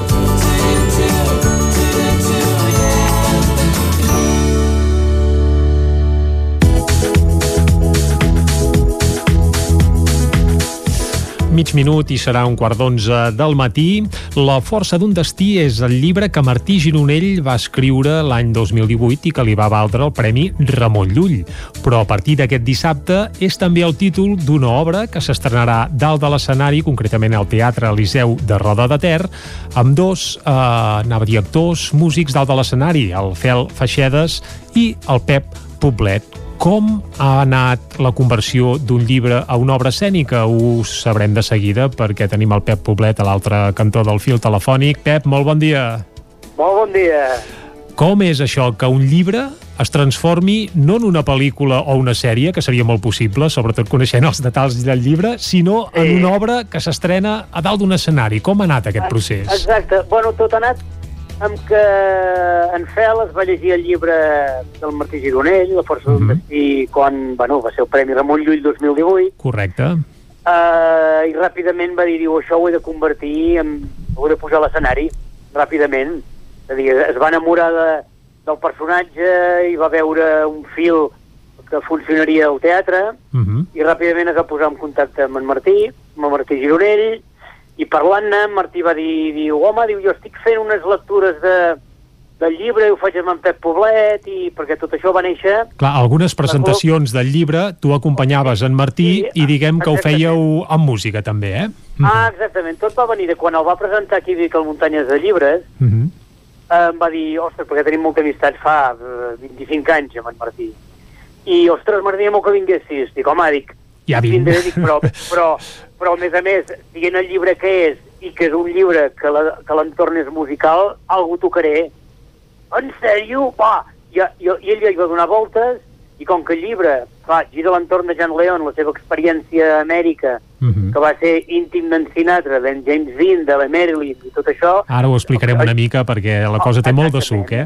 molt, i el llibre clar, ana- anava ple de música i va ser quan això, quan em va fer la proposta per, bueno, per, per anar el dia aquest a Vic, arran d'allò de, ostres, eh, m'ha sortit un bolo no sé on, m'ha sortit, i en- ens vam tirar dos anys doncs fent de tot, des de lectures a maridatges que també venia la gent de Jean León i feien bolos, eh, és a dir, musical eh, de, per gust del paladar i de la lectura, no? Carai. I arran d'això, de, de, de, de que parlés en, en Fel, que també ens coneixem fa molts anys també, i va dir, ostres, per què no, no parles amb en Pep que alguna cosa fareu? I clar, i tu ja saps que jo sóc dolç i fàcil, i ràpidament, a més a més, eh, clar, la idea em va entusiasmar i m'encanta, i bueno, així es va anar, com la manera de que en Fel doncs, va dir, ostres, això ho vull pujar a l'escenari. I aquesta proposta s'estrenarà aquest dissabte al Teatre Eliseu de Roda de Ter i pel muntatge ja no queda cap entrada, Pep, ja ho heu venut tot, eh? Sí, sí, està tot venut, el que passa, clar, sabem que la, les condicions del Covid ens retalla bona part del teatre, Clar, la meitat, però no, pràcticament, no, sí, sí. exactament, i, una mica menys i tot per qüestions de, del teatre, de, de, de la gent que per poder tot està molt més controlat i que mm. menys, menys gent, però tenim una llista d'espera que podríem tornar a omplir el teatre. Vull dir que la repercussió és molt bona, el binomi Fagedes, eh, del llibre i Pep Poblet, la gent es veu que, que hi, ve, hi veuen, bueno, eh, algo interessant, i res, ja, ja tenim bolos firmats i, bueno, amb ganes de, de, de, de, de rodar, d'estrenar roda i... I després rodar, mai tan ben dit. Tot lliga. Exacte. Explica'm una mica per qui no hagi llegit uh, La força d'un destí, que per cert, qui vulgui venir a l'obra no cal que l'hagi llegit, eh? Suposo que se'n farà No. 5 cèntims de tot plegat, eh? Això aclarim, Exacte. eh? Qui vingui a l'obra no, no, no hagi eh, llegit el llibre, ràpidament el voldrà llegir. Ah, que això està bé també. Uh, I el que explica la força d'un destí és sobretot la història del Ceferino Carrión, un Madrazo, xicot que s'acaba convertint amb el Jan León, eh? com bé deies abans, però el nom autèntic és el Ceferino Carrión. Qui és aquest xicot i què fa? Explica'ns en cinc, cinc nocions. exactament, d'una família de Santander, Uh -huh. que migren de Santander cap a Barcelona perquè el seu pare i el seu germà treballaven al port de Santander. Eh, Es va, va haver un incendi a Santander i van decidir doncs, eh, buscar-se la vida en un altre port i aquest va ser el de Barcelona. Arran d'aquí doncs, eh, van fer arrels aquí a Catalunya, però el Ceferino eh, tenia altres coses al cap. Ell volia ser actor, Volia volar el- en Ceferino. volia volar alt Mhm. i eh, no volia, doncs, eh, per exemple, el que feia aquí, que era fer la mili, i, i se'n va anar cap a França amb ganes d'emigrar cap als Estats Units. Mhm. Després de set vegades d'intentar de posar-se de polissó, a la vuitena vegada va aconseguir al port de l'Ebre doncs, saltar cap a Nova York. Va travessar l'Atlàntic, per tant. Exactament, va, va travessar l'Atlàntic, va arribar a Nova York, eh, la primera feina que va trobar va ser de taxista a Nova York, allà eh, el franquisme el va localitzar i va decidir marxar cap a Los Angeles i canviar-se la identitat, canviar-se el nom, Uh -huh. i es va inventar aquest nom de Jan León, va arribar a Los Angeles va seguir fent de taxista i coses de l'atzar, un dia en el taxi li puja el Frank Sinatra. I amb aquestes, doncs, que el, el Sinatra es deixa una cinta, una bobina d'un disc Mhm. que estava fent el Sinatra i el Jean Leon diu, ara és la meva, li portaré en el seu restaurant, el Villa Capri. Li porta allà, estableixen amistat, el contracte de camarer, i aquí és quan ja entra en tot l'entorn del Sammy Davis, de la Liz Taylor, de la Marilyn Monroe i amb el seu gran amic James Dean. És que és James això, Dean i en James Dean no, no coneguts, sinó que són amics amics, eh? Amics, amics, sí, sí, i, i Ronald Reagan, per exemple, també com estudiant de teatre. Clar, que Era- va ser era tot. la colla Déu-n'hi-do. d'un emigrant de Barcelona, imagina't la història, eh? Mhm. Va fer un restaurant que encara existeix, que és l'Escala, que el, el va fundar junt amb, Le ai, amb, amb James Dean, va servir l'últim sopar de la Marilyn Monroe i amb, amb una borratxera de James Dean, John Leon i Ronald Reagan, eh, John Leon va dir, diu, jo un dia faré vi, eh, James Dean va dir, brindem perquè un dia brindarem amb el teu vi, i el Ronald Reagan, que era estudiant, diu, no, no, brindarem el dia que jo seré president dels Estats Units amb el teu vi i brindarem per les pel·lícules de James Dean. I això, amb una borratxera de, de, de tres nanos joves, I resulta que tot plegat es va complir. i es va complir, i el dia que Ronald Reagan eh, va ser president dels Estats Units, en el sopar es va servir el sopar del restaurant L'Escala, es va, veu, es va veure Jean, eh, vi del Jean Leon, però llastimosament James Dean ja era mort. Mhm. I aquí és una mica tot el fil argumental que presentem a dalt l'escenari. Clar, és que aquest personatge dona per tant que dius, ostres, condensar eh, una hora que dura més o menys l'espectacle, no sé, aproximadament, una hora eh, crec que una hora i deu. estem movent amb una hora i deu. Condensar la vida d'aquest personatge del Gen Leon amb una hora i deu ha de ser eh, una feinada bestial. Com us ho heu Sí, fet? sí, Quins episodis retrateu? I sobretot, eh, quin paper hi fas una mica en el teu cas, eh, tu? Mhm. Home, aviam, retratem que, la, part que, que he explicat jo. És a dir, en el llibre hi ha molta més i, i també, clar, evidentment l'obra expliquem més coses, Mhm. però la, la part primordial és tot aquest fil argumental que he explicat ara, no? Mhm. I el meu paper, doncs, és eh, no simplement fer de músic, sinó que certs personatges que apareixen els vaig una mica com transmetent jo en persona. Mhm. És a dir, jo faig de, del carter que li porta la, la carta eh, a, a, a Ceferino de que el busquen, eh, es canvia la identitat i jo sóc el policia que li dona el, el, el, el, li, li, el segell i el permís perquè tingui una nova identitat americana i tot això. I, I a part, clar, evidentment, tot lligat amb músiques de l'època, és a dir, si parlem de, del moment que parlem, parlem, parlem de Marilyn Monroe, doncs eh, toco un tros del Diamonds eh, des Girlfriends, eh, toco el Fly Me to the Moon del Sinatra, és a dir, clar, música de l'època que ens transporta totalment allà, no? My Way, eh, tot això, no? I fins i tot el guinyo a l'Espanya en blanc i negre, faig un guinyo amb un tros de pas doble eh, per posar a la gent en la situació eh, que, que estem parlant en aquell moment. Uh, per tant, diguem que el Pep Poblet, a part de músic, també hi fa d'actor, entre cometes, eh? D'actoret, d'actoret. Sí. Actoret.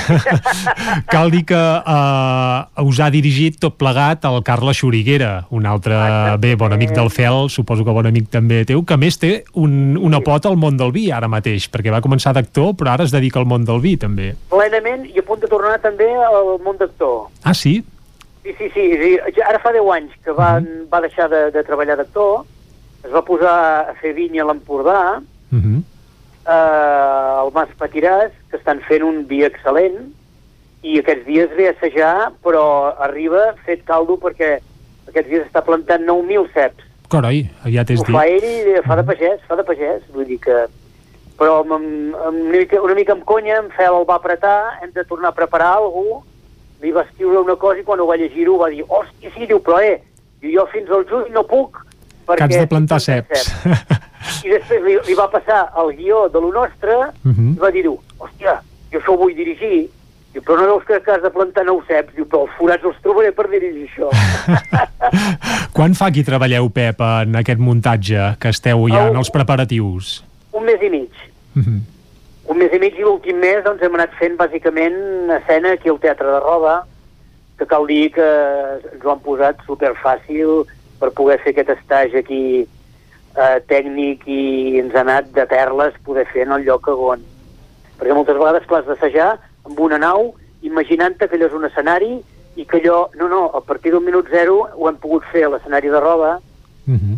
i excel·lent, aquesta setmana estem a diari fent passes i passes tant tècnic com a, com a de, de diàleg i, bueno, i escolta'm, perquè dissabte surti rodó, no? Segur que sortirà rodó i, com bé ens deies, a partir de dissabte la intenció és que rodi arreu de Catalunya. On més aterrarà la força d'un destí?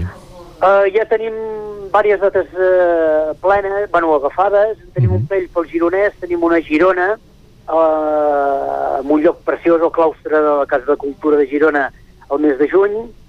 El mes de juliol a Vilalareig, que és el poble on viu en Martí Gironell, que ens fa molta gràcia doncs, anar-ho a fer allà. Després, què més tenim? Tenim Centelles, al setembre, Uh -huh. venim a Centelles, eh, tenim pendent tancar una data a Ripoll, que està, està fet però s'ha de que trobar la data exacta, i, bueno, i clar, eh, no s'ha estrenat i ja tenim dates tancades, vull dir que estem molt, molt, molt, molt contents. I segur que en vindran moltes més. Sí, Ah, sí, tenim, tenim diverses al Penedès que, clar, allà, allà ho volen que superràpid, eh, perquè, clar, Jean León és un, és un personatge molt estimat al Penedès per tot el que va generar i, clar, i ara la, el que és el, la bodega pertany a Torres i fins i tot gent de Torres venen dissabte, és a dir, els propietaris de Torres venen a veure l'estrena aquí a Roda. Doncs Pep Poblet i, i, I ve inclús una germana de Jean León, una senyora molt gran que quan se'n va enterar no s'ho va voler perdre. i crec que dissabte eh, vindran. Pep, això, ho hem de deixar aquí, que hem de tallar per publicitat. Moltes gràcies, que vagi molt bé Vinga. l'estrena. Salut! Perfecte, salut. Adéu. Adéu. El nou FM, la ràdio de casa, al 92.8. Pintures Xevi Soler. Tot en pintures. Façanes, obra nova, rehabilitacions interiors de vivenda, estucs, microciments, pintura industrial, motllures, terres vinílics... Pintures Xevi Soler. Ens agrada assessorar-vos i fer de casa vostra el millor lloc del món. Ens trobareu a Manlleu, al carrer Sogorb 113, telèfon 616 15 87 33 o 93 851 3504. El racó de León. Gaudeix de la nostra terrassa. Vine a tastar les xuletilles de lechal a la brasa amb una bona amanida o el xuletón de vedella gallega.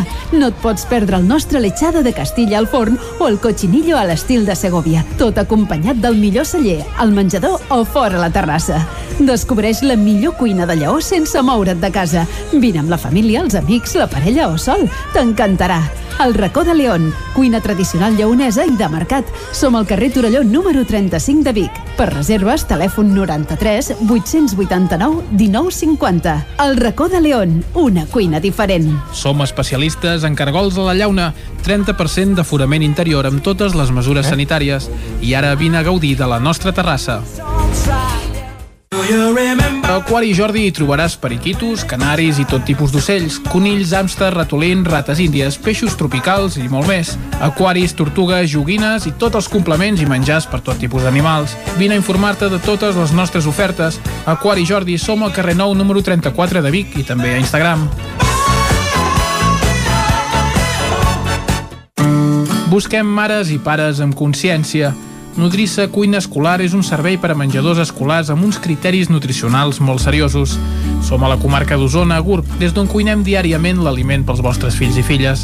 Productes de proximitat, canell de cuina i servei seriós. Volem treballar amb i per a vosaltres i si alguna cosa hem après és que no tot s'hi val. Producte i servei exigent per uns clients honestos. Nodrissa Cuina Escolar, el teu nou partner per al vostre menjador escolar. Entra a nodrissa.cat i informa-te'n. Cobertes serveis funeraris. Els nostres tanatoris estan ubicats en els nuclis urbans més poblats de la comarca d'Osona per oferir un millor servei. Tanatori de Vic, Tanatori de Manlleu, Tanatori de Centelles i Tanatori de Roda de Ter. Sabem que són moments difícils i per això el nostre compromís és atendre-us en tot moment amb un tracte humà, sensible i respectuós. Cobertes serveis funeraris. Telèfon 24 hores 93 883 23 46. El nou FM, el nou FM, el nou FM, el nou FM, el nou FM. Territori 17. Dos quarts d'onze en punt del matí, seguim en directe aquí a Territori 17 i el que toca ara, quan som a l'equador del programa, és, com sempre, piulades. I ho fem, la repassem amb l'Isaac Moreno. Isaac, molt bon dia. I bona hora. I per on arrenquem avui les piulades? Josep Lluís Garcia, comencem amb Sant Jordi. Vinga, ja està bé.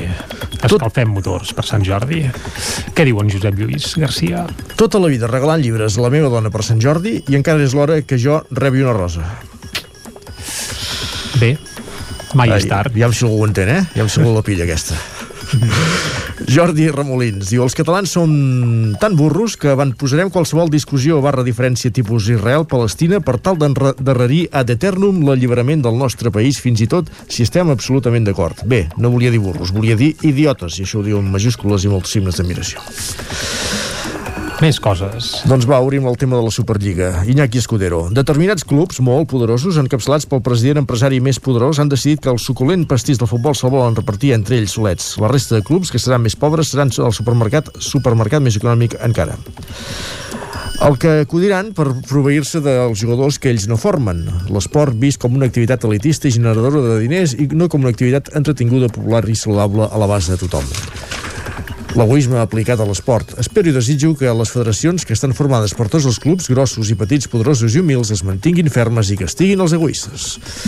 També piula en Vilarrodà, Jordi, diu tot de bona gent dient que això de la Superliga és pel negoci, els diners i etc. És clar, fins ara el futbol d'alta competició era una cosa molt amateur, com la Badesenc, etiqueta Superliga. Mm -hmm. Ja ha fet, hi ha un diari avui a Catalunya que diu que s'ha acabat el romanticisme del futbol. I pensava que això era una cosa dels anys 20. Bé, és el que anava a dir, és que em sembla que hi ha gent que ha descobert la sopa d'all, però em fa d'anys i panys que el món del futbol eh, qui mana és la butxaca, no pas, Exacte, Florentino. no pas els sentiments, però vaja.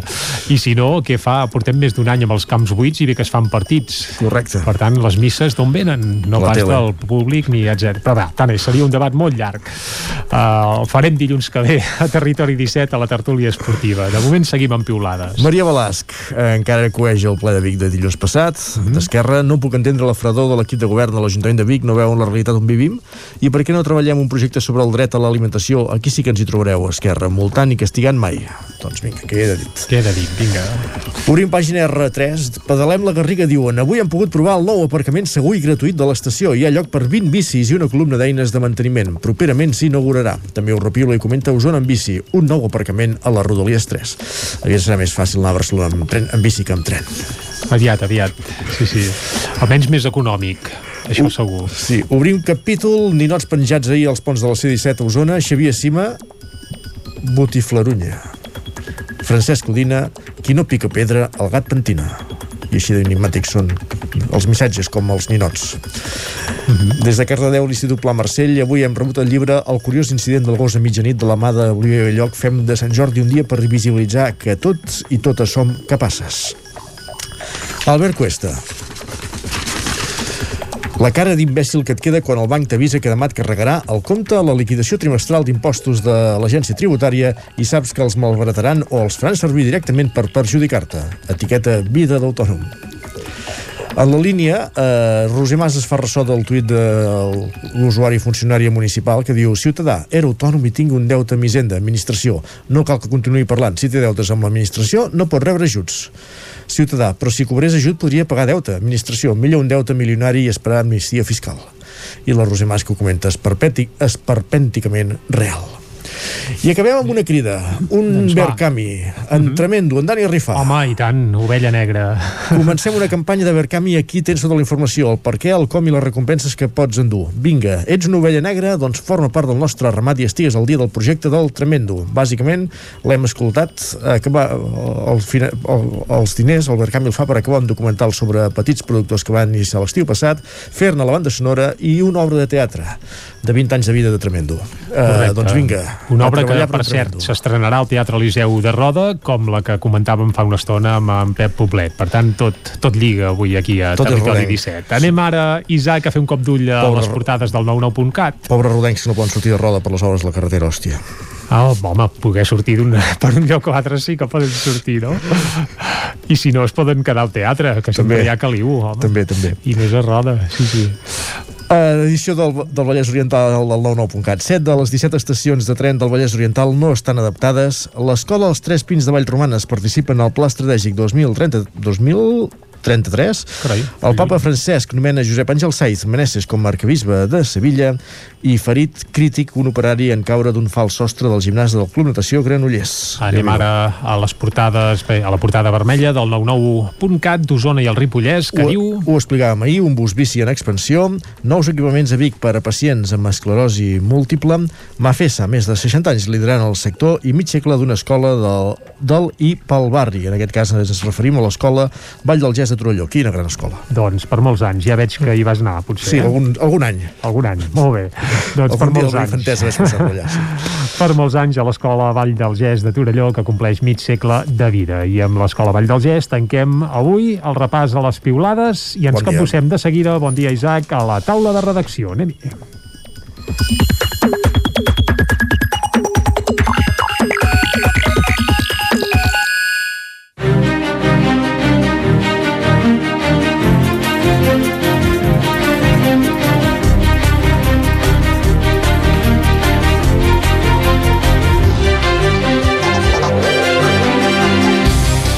Passen 6 minuts de dos quarts d'onze del matí. Anem ara a la taula de redacció que avui compartirem amb la Txell Vilamala i en Jordi Vilarrodà. I comencem amb la Txell Vilamala. Txell, molt bon dia. Bon dia. Que ens parlaràs del casal Boira Baixa de Manlleu, que crec que canvia d'ubicació i vol estrenar a Seu, oi? Sí, exacte. Han començat a fer passos per traslladar-se uh, del carrer Rossell, que és on són actualment. De fet, on han passat la major part de la seva vida des de l'any 2002. Uh, en concret, se'n volen anar a un edifici de nova construcció a la cantonada de la plaça de la Flama del Canigó amb el carrer Enric de l'Aris. Això uh -huh. és supercèntric, és ben bé... El Malic de Manlleu, eh? No sé si Exacte. encara ho hem dit de Manlleu, però això és a Manlleu, Exacte. eh? Mhm. Uh, ara estan en procés d'aconseguir-ho. Aquí, en aquest uh, solar on ells voldrien estar, ara mateix uh, hi ha un edifici, per tant, el primer pas és comprar el solar i l'edifici que hi ha, que pertany a la Sareb, llavors tirar-lo a terra, uh, fer foc nou, per entendre'ns, i construir-hi un nou local que sí que el tenen força pensat, que a part de ser la seu del Casal Boira Baixa, pugui tenir una gran sala polivalent doncs, per activitats culturals de Manlleu, activitats socials, activitats de, de la vila, i llavors també una zona de reunions i assemblees que es pugui eh, deixar o cedir o que es pugui arribar a acords amb altres entitats, organitzacions o cooperatives doncs, perquè també en facin ús i d'aquesta manera aixoplugar eh, les diverses entitats que hi ha a Manlleu, que són moltes i a més a més molt diverses, perquè sí que és veritat que la ciutat té un, un teixit cultural que és força ric. Aquest projecte és molt ambiciós, però i les misses d'on han de sortir? ells el casal mateixos- Boira Baixa és un casal independent, a part d'independentista, i d'on d'on vindria tot plegat? Ells mateixos eh, ens van presentar el projecte als mitjans de comunicació divendres, ells mateixos reconeixen que és molt ambiciós, també ens deien que han posat el llistó a dalt de tot i que llavors, eh, si veuen que no hi poden arribar, doncs que l'aniran abaixant, però que d'entrada es fixen un projecte de màxims. Llavors, com bé deies tu, com es pagarà? Eh, el principal, el que volen aconseguir és que es pugui finançar a través dels socis, ells ara en tenen una seixantena, eh, són pocs per l'envergadura del projecte i per això han iniciat una campanya que es diu Agafem Impuls, que té per objectiu eh, precisament doncs, duplicar, triplicar o quadriplicar, multiplicar tant com sigui possible eh, aquest nombre de socis doncs, perquè ells també puguin fer les seves contribucions. Llavors també buscaran a través de projectes d'economia social i solidària, diverses línies de crèdit eh, també amb aquesta idea de banca ètica. Eh, per tant, a partir d'aquest moment, eh, quan sàpiguen més o menys de, de què parteixen, acabaran de buscar la manera de complementar aquests recursos. Eh, pel que fa a termini temporal, ells voldrien que l'any 2022, per tant això també és molt aviat, eh, tot això pogués entrar com a mínim en funcionament, eh, si més no una part, eh, veurem si ho aconsegueixen. Sí que és veritat que les ganes i l'embranzida ens van deixar clar que, que la tenen. De fet, aquest projecte de traslladar-se també ens van dir que ja fa temps que el tenien en ment. El local del carrer Rossell ara ja acull també altres entitats, però és veritat que explicaven que no tenen tenen aigua calenta, no hi ha calefacció, uh, l'accessibilitat per a persones amb mobilitat reduïda tampoc està garantida. Llavors, moltes de les activitats... La capacitat també és La capacitat minsa. és petita, exacte. Llavors, moltes de les activitats que voldrien fer uh, les acaben supeditant al que poden fer, no els permet assumiar, no? Uh, D'aquí ve una mica el motiu, però també la pandèmia que els va obligar a paralitzar, a paralitzar l'activitat, sobretot els mesos del confinament més sever.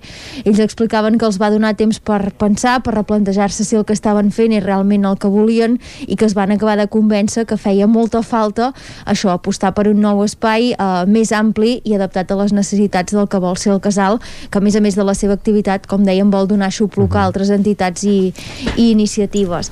Uh, llavors, sí que van deixar clar també que, malgrat el trasllat, mantenen tots els seus eixos, uh, l'anticapitalisme, la, lluita, uh, la lluita per la independència de Catalunya, la defensa de la cultura catalana, també de la, uh, de la identitat catalana, perdó, també de la cultura popular. Uh, per tant, això es mantindrà intacte, el que volen fer és, és canviar d'ubicació. Ara estan acabant encara d'anar redefinint el projecte, conviden a tota la ciutadania de Manlleu a una assemblea oberta que faran el diumenge 2 de maig als Jardins de Can Puget, amb aquesta idea d'intentar guanyar socis però també aglutinar uh, tot tipus de sensibilitats més enllà de les dels propis membres del, del casal. Mhm.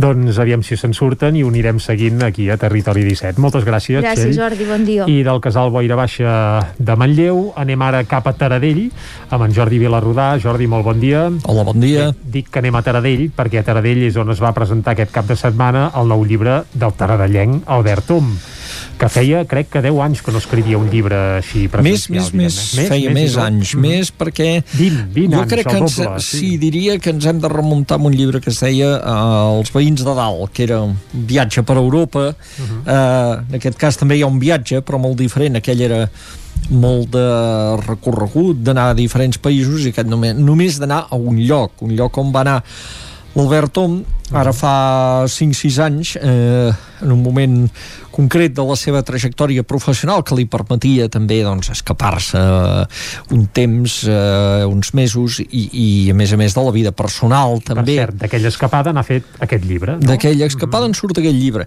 El llibre es diu El dia que vaig marxar. Mm, clar, és... eh, Ja lliga, de- tot lliga.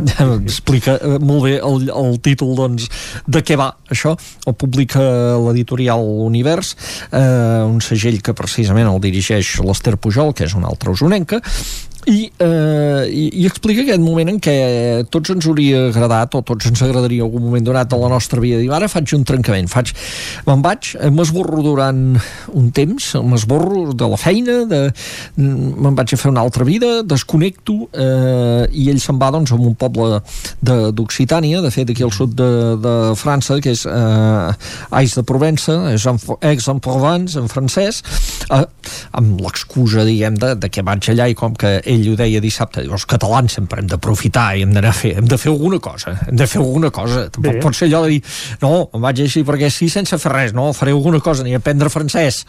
I, i l'excusa, diguem excusa o, o el que ocupa una part del seu temps quan està allà és això, però eh, més enllà de l'anècdota del viatge de dir me'n vaig, eh, trenco, agafo una altra rutina, no tinc res a l'agenda tinc eh, tot el que faci serà pel gust de fer-ho. Eh, eh, ell fa una reflexió també sobre aquest moment vital que viu perquè ell marxa en un moment que els seus pares són grans, ara, ara ja per desgràcia doncs són tots dos morts. Eh, eh, veu que els anys següents se li complicarà la vida en aquest sentit que només és potser és l'última oportunitat de fer això i paral·lelament a la- l'alegria aquesta de, de marxar i d'estar un temps eh, amb, amb tot el temps per tu eh, hi ha la, la preocupació l'ombra aquesta de dir els símptomes d'una malaltia degenerativa del pare eh, tota una sèrie de coses que, que el porten a reflexionar també sobre la família, sobre aquest pas del temps sobre aquest, eh, la relació amb, amb els pares i, i per tant eh, hi ha aquestes dues vessants del llibre no? i la col·lecció es diu la, la joia de viure d'aquesta aquesta col·lecció en què publica el llibre. I, i esclar, ell deia dissabte la joia de viure i és quan tens amb què comparar-la. I ell en aquest moment comparava doncs, amb aquesta situació que veia venir també. I per tant, i, i llavors en fi, tot el llibre tot això va lligant també amb els records d'infantesa amb el fet de de que el propi fet de marxar a l'estranger formava part d'un record d'infantesa doncs, d'ell quan va fer el seu primer viatge a França amb els pares també, i aquella màgia que tenia aquella cosa en aquell moment de marxar a l'estranger, que quan ets un nen petit, llavors dius, què és això de l'estranger, no? I el, precisament el primer lloc on es va concretar l'estranger per ell en la seva infantesa va ser justament França. On ha tornat ja de més granadet. On ha tornat de, de, de més granadet, sí, diguem, sí, sí. efectivament. I, i, I això, doncs, és el que va explicar, que explica el llibre eh, d'una manera molt amena, és un llibre no gaire gruixut, gruixut, que es pot llegir molt bé, que eh, està escrit amb l'agilitat pròpia de l'estil periodístic de l'Albert i això és el que va explicar el dissabte a Can Costa. I fora amb una presentació que, que hi havia molta gent del poble que hi havia eh, de companys en, en, Fel Feixedes de companys d'escenari. que, ah, que hi era. La seva neboda que és periodista l'Albom mm -hmm. i en Fel Feixedes que com va dir l'Albert diu eh, no és de la família eh, no és periodista diu però és com si fos un germà. Eh, són molt amics. I, i entre tots tres van fer un diàleg que va ser realment molt divertit per, per, per fer de presentació d'aquest llibre. Per cert, ell va explicar que mentre estava a França l'anècdota doncs, que, que no va deixar de fer de periodista, tot i que ell volia desconnectar perquè es va produir l'accident de l'avió aquell de German Wings que volava des de Barcelona a Düsseldorf i, o, i, i el pilot doncs el va estimbar. Els Alps, I, correcte. i, i ell era relativament a prop i va anar-hi va, anar eh, va dir, què faig? I vaig, vaig. Però l'instint periodístic va poder més va parlar doncs, amb la gent de l'Ara. Va anar-hi i va publicar un article. A la web de l'Ara hi va haver una persona familiar d'una víctima d'Olot que li va fer un comentari agraint-li l'article i l'altre dia, la setmana passada just abans de fer la Tardell va presentar el llibre a Olot uh mhm. -huh. i aquesta persona se li va materialitzar diguem, o sigui, va dir, Carai. soc jo que vaig perdre una persona molt propera en l'accident aquell.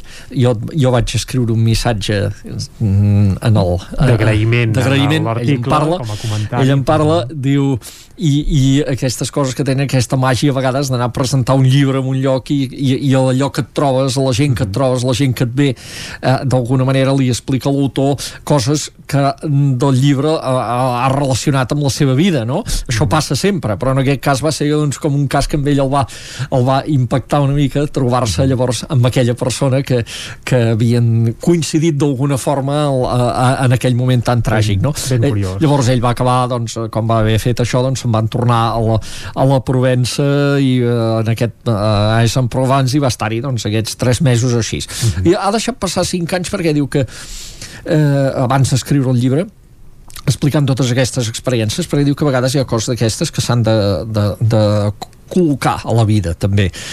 Després efectivament va venir malalties dels pares, la seva mort etc etc i són coses que després abans de posar-les en, un, en un llibre les has d'ordenar en la teva vida i després et veus amb corda posar-hi paraules que és el que ha fet ara l'Alberto Doncs moltes gràcies Jordi per acostar-nos aquest darrer llibre de l'Albert i tanquem aquí la taula de redacció que avui hem convertit en Txell Vilamala i Jordi Vilarrudà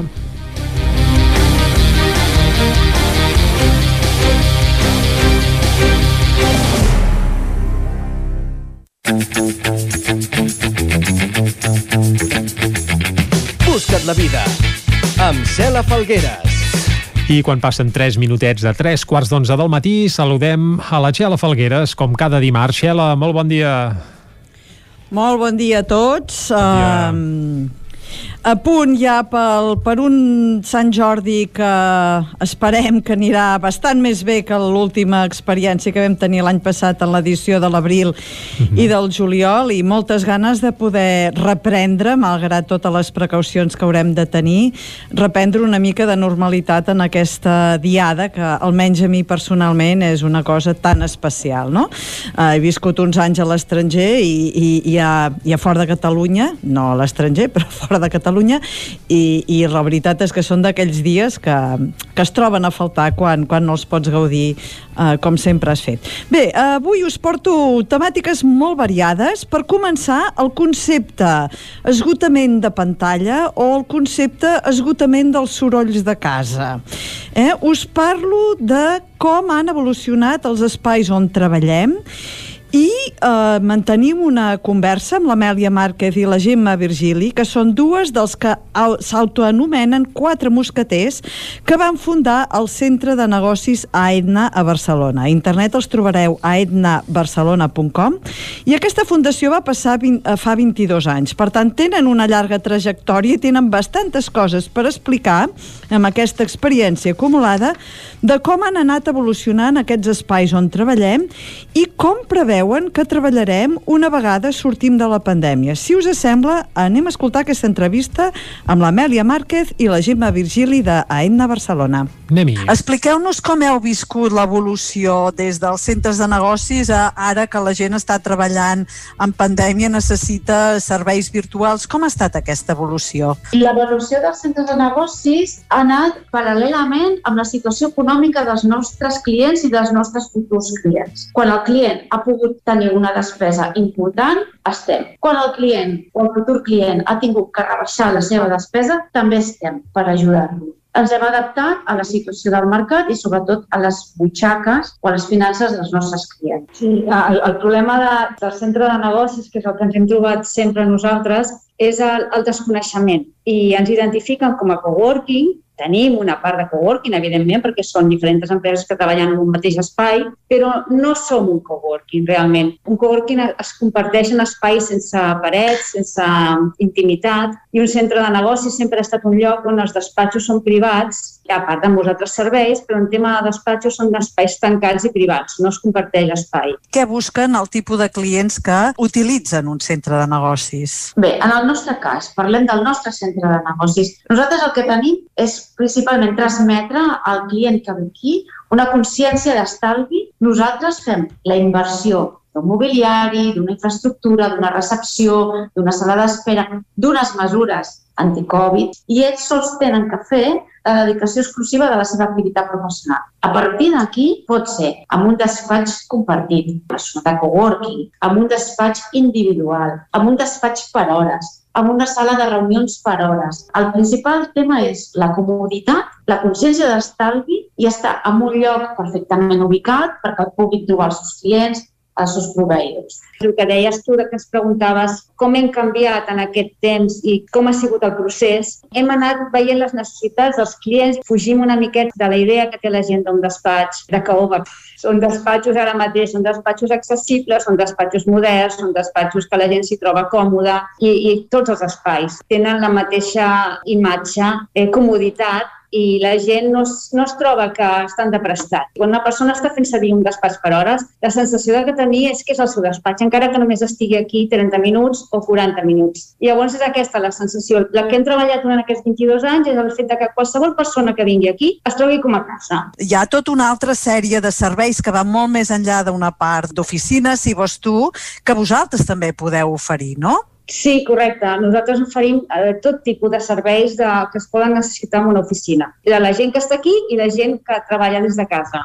Podem ser un punt d'entrega i recollida de paqueteria en el cas de que una persona estigui muntant el seu negoci a casa i digui, pues mira, vaig a muntar una botiga online, però necessito un punt de referència perquè els meus clients en moment de devolució o recollida, com fan les grans empreses, tinguin un punt on poder deixar el seu paquet o recollir-lo d'una forma més econòmica. Podem ser serveis administratius. Què vol dir? Qualsevol persona que treballi ara mateix a casa seva o la gent que tenim aquí al centre, evidentment, necessita una secretària de forma puntual, necessita fer una facturació, necessita fer un seguiment de, de rebuts, necessita fer coses que li treuen temps de la seva feina real i nosaltres podem donar aquest suport administratiu. Podem fer una atenció telefònica, persona que, persones que estan treballant de forma comercial i que tenen el seu telèfon sempre bastant ocupat i perquè no perdre cap trucada d'entrada, per exemple, doncs puguin fer servir els nostres serveis d'atenció telefònica, fem tota la gestió de recepció de telefonia i fins i tot, si necessitessin, podem portar tot el que és el tema d'agenda, que també tenim algunes consultes metges,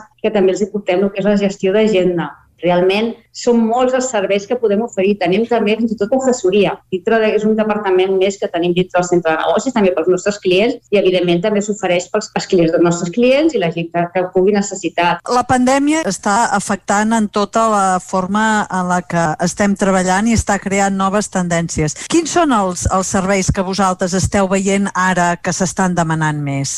En l'època de pandèmia, de confinament pur i dur, que la gent no podia sortir de casa i tenia que combinar el teletreball amb la família, no hi havia més remei. Ara, en el moment que els col·legis s'han obert, que la gent està també obligada a treballar a casa, perquè a vegades les grans empreses ho fan així, o de manera involuntària perquè han tingut que tancar el seu despatx i treballen des de casa, hem estat la solució per la gent que diu és que no puc més estar a casa, necessito sortir, necessito relacionar-me, necessito arreglar-me. I aleshores venen aquí, tenen el despatx per hores, les hores que ells necessitin i així també eh, no treballen eh, des de casa d'una manera obligada. Hem fet que la gent eh, vingui aquí, que es trobi d'una manera natural i molta gent combina el teletreball amb teletreball aquí o fins i tot teletreballen a casa però es reuneixen aquí el cansament aquest de treballar en remot i de no tenir contacte amb gent, això vosaltres ho deveu haver vist moltíssim, no? Que la gent abans potser entrava al despatx o l'agafa el cafè i ara millor es passen 20 minuts perquè necessiten parlar amb algú. Correcte, clar, clar, clar. Tenim, tenim clients que en aquests són clients de proximitat, clients que viuen per aquí la zona on estem nosaltres, que estan obligats perquè són empreses grans, treballen per empreses grans i estan obligats a treballar a casa i venen aquí a la zona de coworking o com diu l'Amèlia per hores perquè necessiten trobar-se amb algú perquè porten molts mesos, gent fins i tot que viu sola i que porta molts mesos sola a casa. Llavors, eh, som la seva solució per sociabilitzar.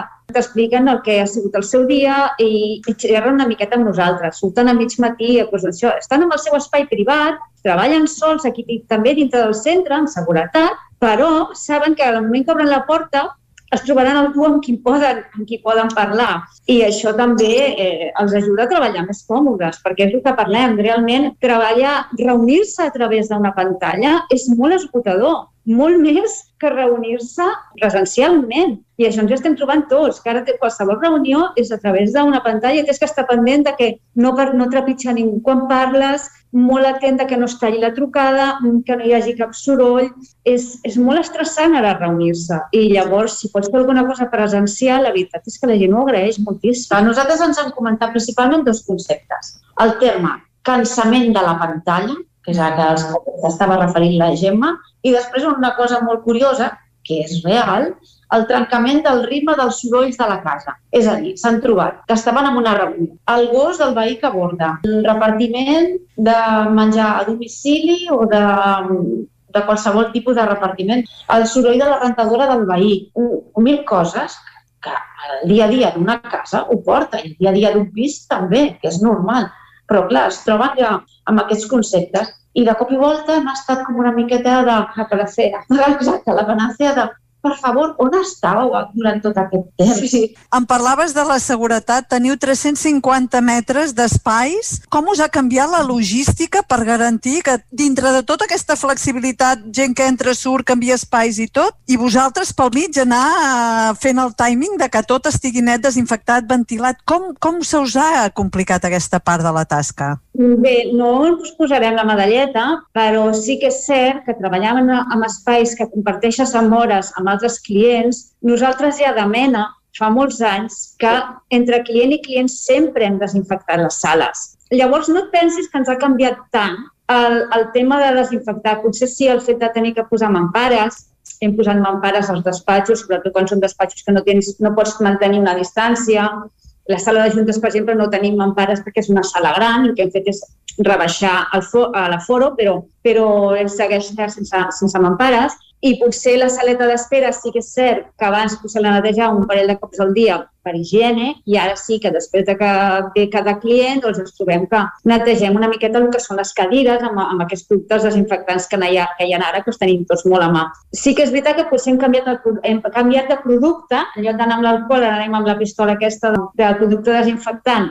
Desinfectem, que et diré que més sovint, doncs perquè tenim ara potser més afluència de gent per hores Després de tot el que esteu vivint i tot el que heu viscut amb els 22 anys, us demano que em feu una mica de pitonisses i em feu una mica de previsió de com creieu que evolucionarà el treball remot, serà un model mix, serà... Com creieu que, que avançarà tot això? Jo penso que pensem tots que serà una miqueta... Sí que serà mix, perquè ara hi ha molta gent que s'ha acostumat a treballar a casa i hi ha un, hi ha un volum de treballadors que els agrada i hi ha empreses que els hi sembla que els hi està bé aquesta fórmula, però sí que és cert que nosaltres que coneixem gent que treballa a empreses grans, a les empreses grans, on hi ha moltes empreses grans que no els hi agrada aquesta fórmula, que els estan obligant a anar a treballar per torns, però que els estan obligant a anar presencialment perquè no els hi agrada. Llavors, partint de la base que si empreses grans volen tornar a la forma presencial i en el moment que entenc que, que aquesta vacunació estigui ja funcionant bé, que ja tots estiguem, tinguem un, una vacunació d'un 70%, un 80% sobre la població eh, que treballa, ho vegin més o menys clar, potser canviarà la forma de distribuir els espais, així com ara s'havia posat molt de moda els espais oberts i que tothom en una misma sala, eh, tots junts, això sí que aquesta fórmula haurà de canviar, evidentment, tornarem potser més als espais més tancats, però jo penso que a la llarga quedarà mix, però hi haurà una gran, gran majoria que tornarà a treballar presencialment perquè la gent ho necessitem, som socials. Potser aquestes grans empreses o aquests grans viatges per retrobar-se o per trobar-se, per reunir-se a l'altre costat del món, costarà. Aquí on entrarà també el treball i la reunió en remot. Amèlia, no vull acabar aquesta entrevista sense que m'adonguis quatre números, o per, perquè la gent no pensi que això és, ui, jo això no ho puc tenir. Bé, el primer que nosaltres diem és què necessites i en què et podem ajudar. Tens una empresa de nova creació o tens una empresa consolidada, que aquí sempre tenim un punt més a favor per una empresa de nova creació perquè tots hem estat emprenedors. A partir d'aquí, amb un més bàsic, una empresa de nova creació que vulgui tenir una adreça aquí a Barcelona, estem parlant d'uns Mm. Bueno, com això, si fem un preu sí. més especial, que deia l'Amelia, si fem un preu especial eh, els 5 primers mesos, per exemple, serien 20 euros al mes els 5 primers mesos i 55 a partir del 6è mes, eh, seria això una domiciliació i a partir d'aquí fins als dos anys. Val? I a partir dels dos anys, doncs, el preu que tinguem establert, que tampoc és que se'n va allà, són 60 euros al mes una domiciliació. Que no et vols domiciliar, que tens una reunió puntual a Barcelona, vols desvincular-te de que no et vegin a casa teva, de, de, de, de teva llar, pots tenir un despatx per hora, 16 euros a, a la Diagonal, trobar-te aquí i si vols ens pots comprar una sèrie d'abonaments que quan més hores compres, doncs més econòmic. Es pot arribar a ajustar no. fins a 11 euros l'hora depenent del tipus d'abonament que s'agafa. Moltes gràcies i espero parlar amb vosaltres en una nova ocasió. Gràcies Moltes gràcies i, sens dubte, ens en sortirem tots junts. Oh, i tant, això, això, això no hi dubtem.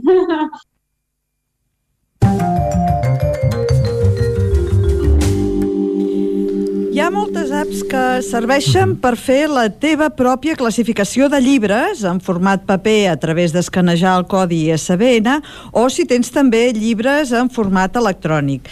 En molts casos aquestes apps incorporen l'opció també d'emmagatzemar la teva biblioteca personal al núvol o exportar el fitxer de la teva organització. Avui us en porto unes quantes perquè no totes són gratuïtes i a vegades la que és gratuïta per iOS no ho és per Android. Per tant, anem a fer una llisteta perquè comenceu, si voleu explorar, unes quantes idees. Uh, apps gratuïtes per començar per dispositius iOS, és a dir, iPhones i iPads, evidentment, en compres integrades. Podem parlar del Book Buddy, organizador de libros o Calibre Companion. El Calibre Companion també és disponible gratuït per iOS, com dèiem, però a Android costa 5 euros amb 49 cèntims. Apps gratuïtes per fer aquesta funció de llibreria personalitzada per Android, també amb compres integrades, podríem parlar de Handy Library o Buddy Book. Us deixaré totes les referències a la web i podeu buscar a Google i us en sortiran moltes més. És una cosa que si teniu la necessitat ciutat podeu explorar i segur que trobareu una app a la vostra mida. Anem a les notícies de la setmana. Anem-hi. Facebook anuncia nous productes basats en l'àudio. Zuckerberg va anunciar ahir que l'empresa es planteja fer llançament de diversos productes i funcions d'àudio per cercar i reproduir podcast. Evidentment, el ràpid creixement de Clubhouse ha obligat a Facebook a moure fitxa per no perdre's cap tros del pastís. I per acabar, Google Earth, aquell que permet veure la Terra amb una visió com si estessis a dalt d'un satèl·lit, fa la seva actualització més important des del 2017.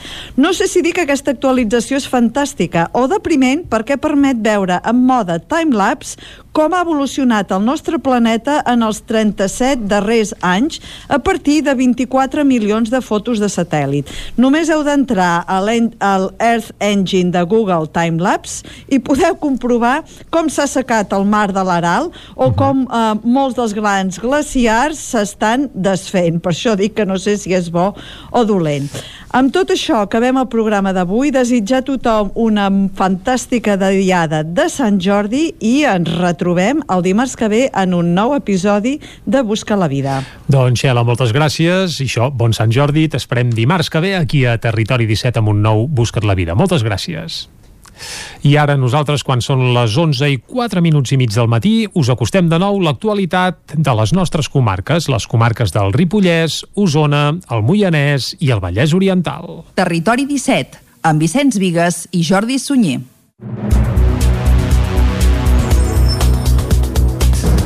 Ahir va començar un cribratge massiu de Covid-19 al campus Bigatà de la Universitat de Vic, Universitat Central de Catalunya. S'hi faran proves al llarg de 4 dies en el marc dels cribratges que està portant a terme el Departament de Salut a 12 universitats catalanes per detectar casos asimptomàtics entre persones joves i tallar cadenes de contagi.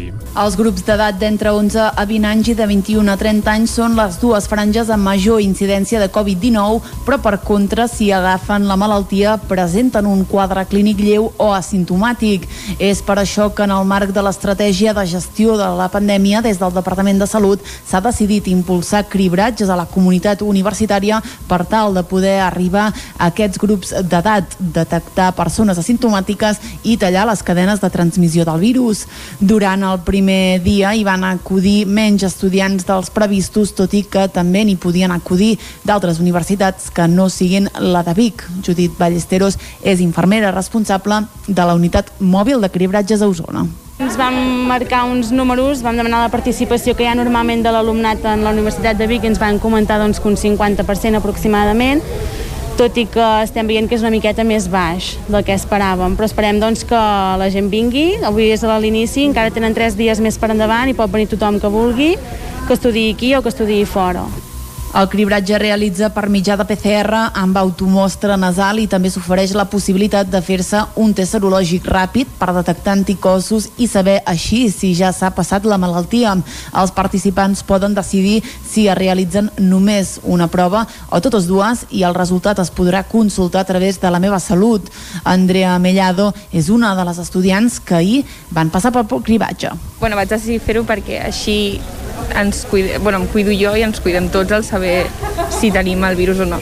Tot i que em pensava que seria pitjor, eh, sobretot la, la PCR, perquè ja m'havia fet una i és això de que molesta molt, però no ha estat per tant, sincerament, i la punxada del dit tampoc.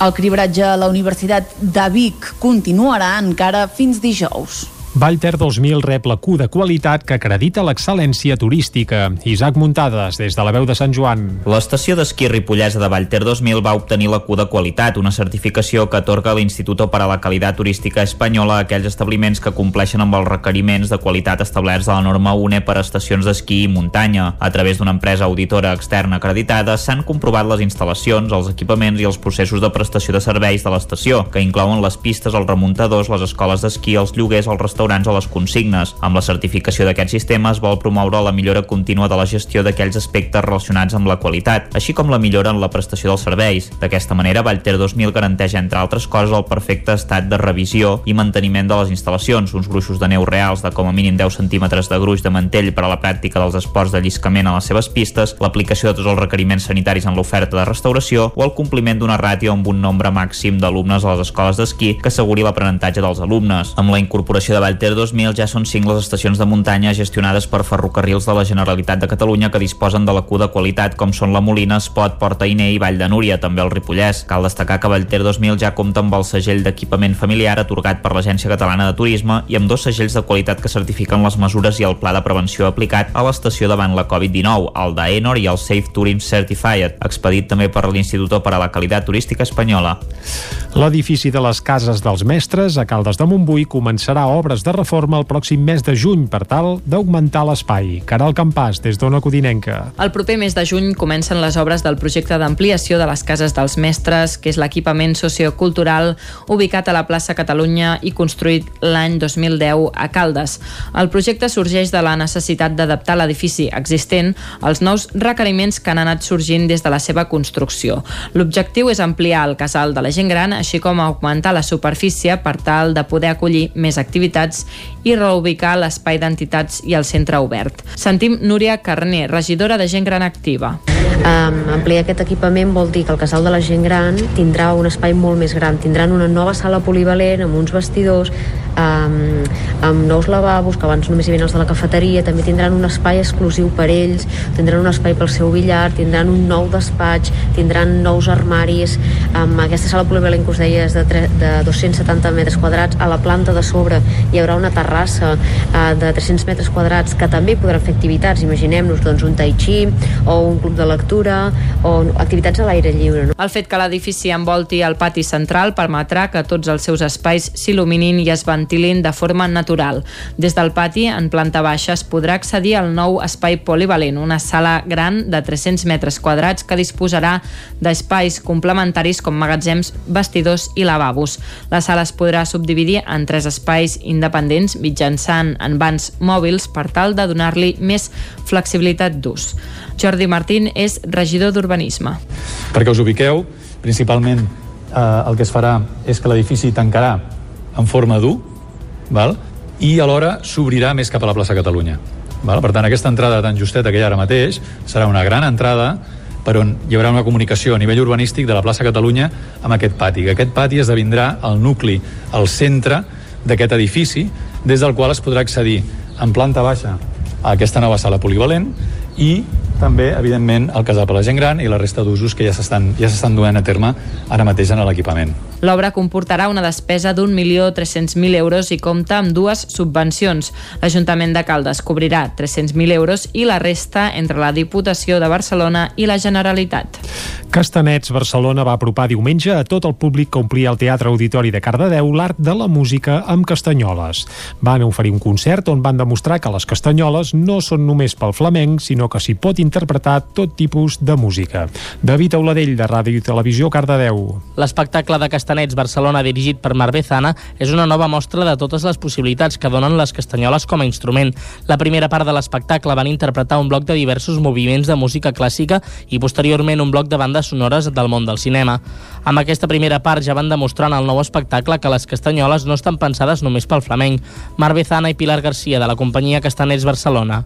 La idea és trencar motlles en referent a les castanyoles, no? que sempre ens diuen flamenc, no té res a veure, o sigui, toquem música clàssica, música de cinema, les composicions que ha fet el Xavi Vila, o sigui, és un món completament diferent. Llavors el que volem és això, o sigui, arribar a tots els públics, no? que no s'encasellin les castanyoles a, al flamenc. Durante el espectáculo hay un viaje a través de, de músicas que a priori no te sonarían eh, para tocar con castañuelas, ¿no? Hay una parte clásica, hay una parte de cine, una parte totalmente nueva que és la que Xavi no, ha compuesto. La segona part va comptar amb les composicions pròpies del guitarrista Xavier Vila, mateix guitarrista del grup, i que Castanets Barcelona ha sumat al so de les castanyoles. Xavier Vila, guitarrista. He composat sis cançons a la part de Dark Castanets, que són cançons així èpiques, rockeres, combinat amb castanyoles i i bueno, que queda molt original, molt, una cosa que, que animo a la gent a que vingui a veure-ho. Una novetat d'aquest espectacle i que va ser una sorpresa pel públic són les castanyoles amb llum, amb el mateix so de la fusta de castanyola i llums leds que formen part de l'espectacle. El públic i alguns dels seus seguidors més fidels van rebre aquesta proposta musical diferent amb gran sorpresa i entrega. Un any després del parèntesi obligat per la pandèmia, la Fira de la Llavor va tornar aquest cap de setmana a Roda de Ter. L'organització celebrava les xifres de visitants. Una vintena de, de parades omplien aquest diumenge la Fira de la Llavor, que aquest any es va situar al carrer dels Molins de Roda de Ter.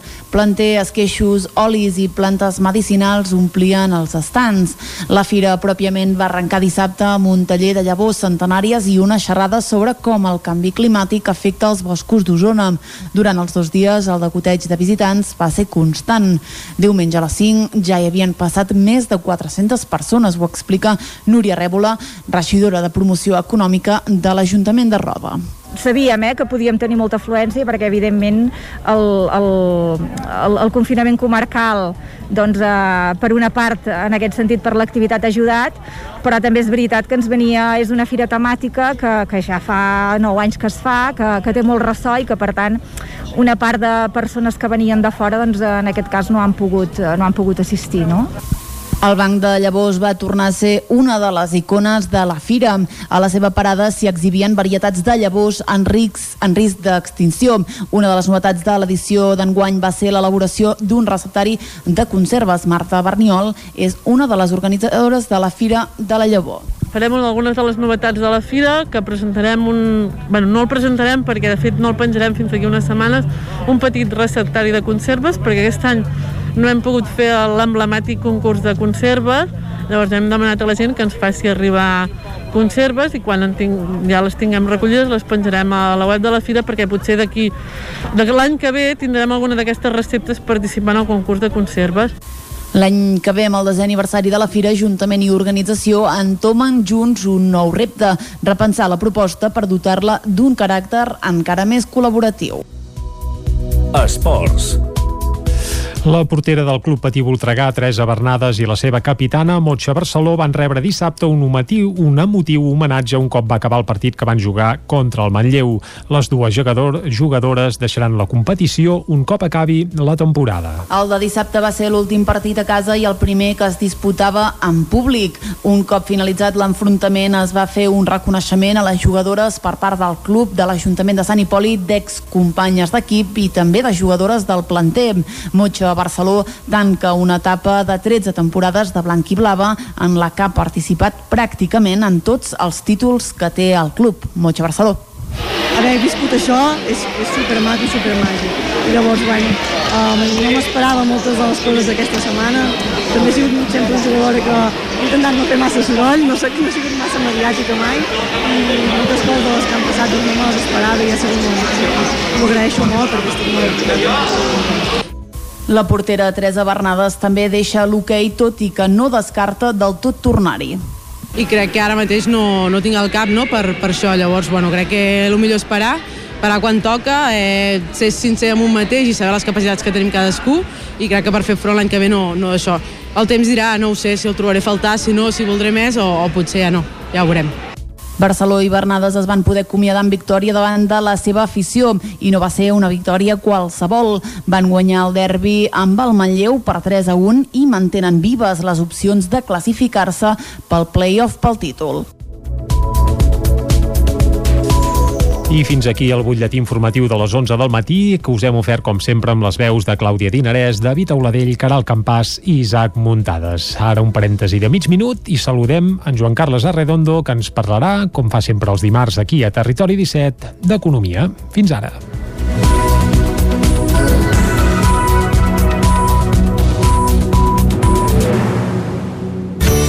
Territori 17.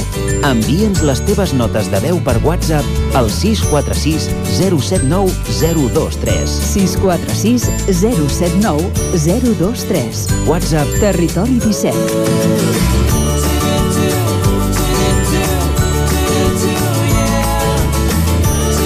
Territori 17. Som a Facebook, Twitter i Instagram amb l'usuari Territori 17.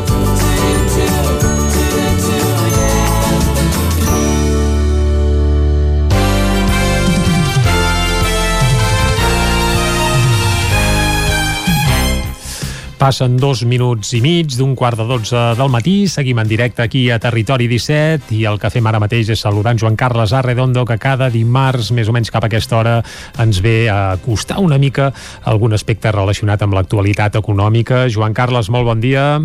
Bon dia. Avui em sembla que, que ens parlaràs d'anar a fer gimnàstica, eh? Sí. Bé, o, o de poder-ne anar a fer qui vulgui. Clar, no sé si tu ets d'anar al gimnàs o no. Més, aviat poc, eh? Jo, jo més aviat camino molt. Això sí, això sí que ho tenim. Val. Que és, una, és, és, una manera de, de fer exercici plata. Segurament no, no, no seria la més recomanable des del punt de vista dels, dels, dels que són molt insistents amb el tema de que cal fer eh, esforç físic, però, però bé, de, de, de moment amb això, amb això anem fent.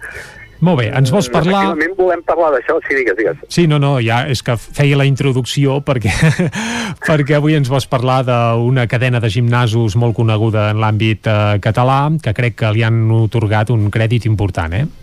Un crèdit bastant important, sí. Uh, és un crèdit que l'ha concedit una, una empresa pública que es diu Avança, és una empresa que està mm, ideada, diguem-ne, per fer precisament aquesta mena d'operacions. Uh, és un crèdit, uh, no, no és una subvenció, uh, els crèdits, diguem-ne, que s'han de tornar. Uh, de tota manera, el fet que se li hagi concedit un crèdit a la cadena de gimnasos DIR ha aixecat una polseguera que no, no és gens menys preable, no? Uh -huh. Ho és això ja polseguera, entre d'altres, per unes connexions polítiques que són altament llamineres, eh? hi ha vinculacions d'aquesta cadena eh, a, a un determinat partit polític ara desaparegut, diguem-ne, no? Hi ha, hi, ha, hi ha un clan familiar, diguem-ne, que havia dirigit aquest país, eh? per dir-ho més clar, clan Pujol, Convergència, i això estan mereixent comentaris inacabables per part d'una classe política, eh, però mm, per damunt d'aquest uh, debat tan llaminer, eh, crec que és més interessant eh, uh, suscitar un debat més profund sobre quins són els mecanismes d'intervenció de l'administració en l'entramat empresarial. Això, eh, aquesta qüestió supera la superficialitat de la batalla partidista, eh, tan pròpia de, de la mirada curta en què sense la política, no? Eh, és cert que aquesta, mm, si es fa també el debat en aquest sentit, la, el govern tampoc queda en la millor de les posicions. Ara intentarem explicar per què. Eh? Uh -huh. eh, les conseqüències econòmiques de la pandèmia han estat dures per tots els sectors i especialment en aquells que, en els quals el contacte amb l'usuari final és més estret. Aquest contacte estret eh, incrementa el risc de contagi i, per tant, eh, això afecta els serveis sanitaris i ha estat el motiu adduït pel govern per aplicar restriccions que han afectat de manera més contundent determinats sectors, eh? la restauració, l'hostaleria, l'oci nocturn, les arts escèniques, això només són uns exemples, també l'activitat esportiva, tant la federada com la dels que es fan gimnasos privats, com, com, com el cas de, de, de, de dir.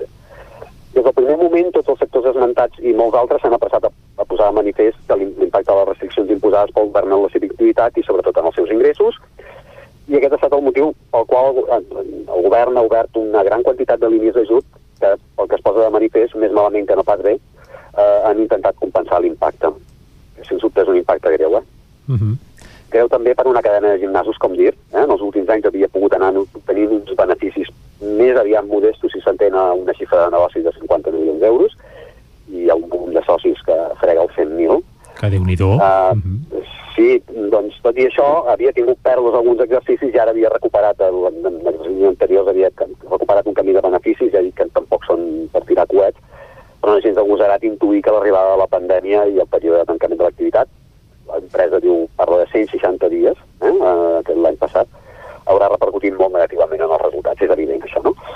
Passa que és la mateixa situació mm, que hauran patit altres empreses del mateix sector i també les altres grans activitats que en canvi no han aconseguit la mateixa atenció per part de l'administració que la demostrava amb una concessió d'un crèdit per valor d'uns 2 milions i mig d'euros. És efectivament un crèdit, eh? Per concepte, un crèdit mm, eh, significa que el beneficiari haurà de tornar els diners que li han estat concedits. Evidentment. Uh -huh. En aquest cas també és un crèdit participatiu. Què vol dir crèdit participatiu? Que si l'empresa no retorna l'import concedit en el termini pactat, en aquest cas són 5 anys, i les garanties mobiliàries i immobiliàries que formen part de l'acord són insuficients per cobrir-lo, eh? també han posat unes garanties. Doncs si passessin totes dues aquestes coses, l'entitat que, que, que, que, a la qual s'havia estat concedit el crèdit eh, perdó, l'entitat que ha atorgat el crèdit, en aquest cas la Generalitat, o sigui... Correcte, correcte. No, tots, tots nosaltres, eh? Uh Mhm. -huh. Passarien a obtenir accés a l'empresa, eh? seríem part accionistes d'aquesta empresa.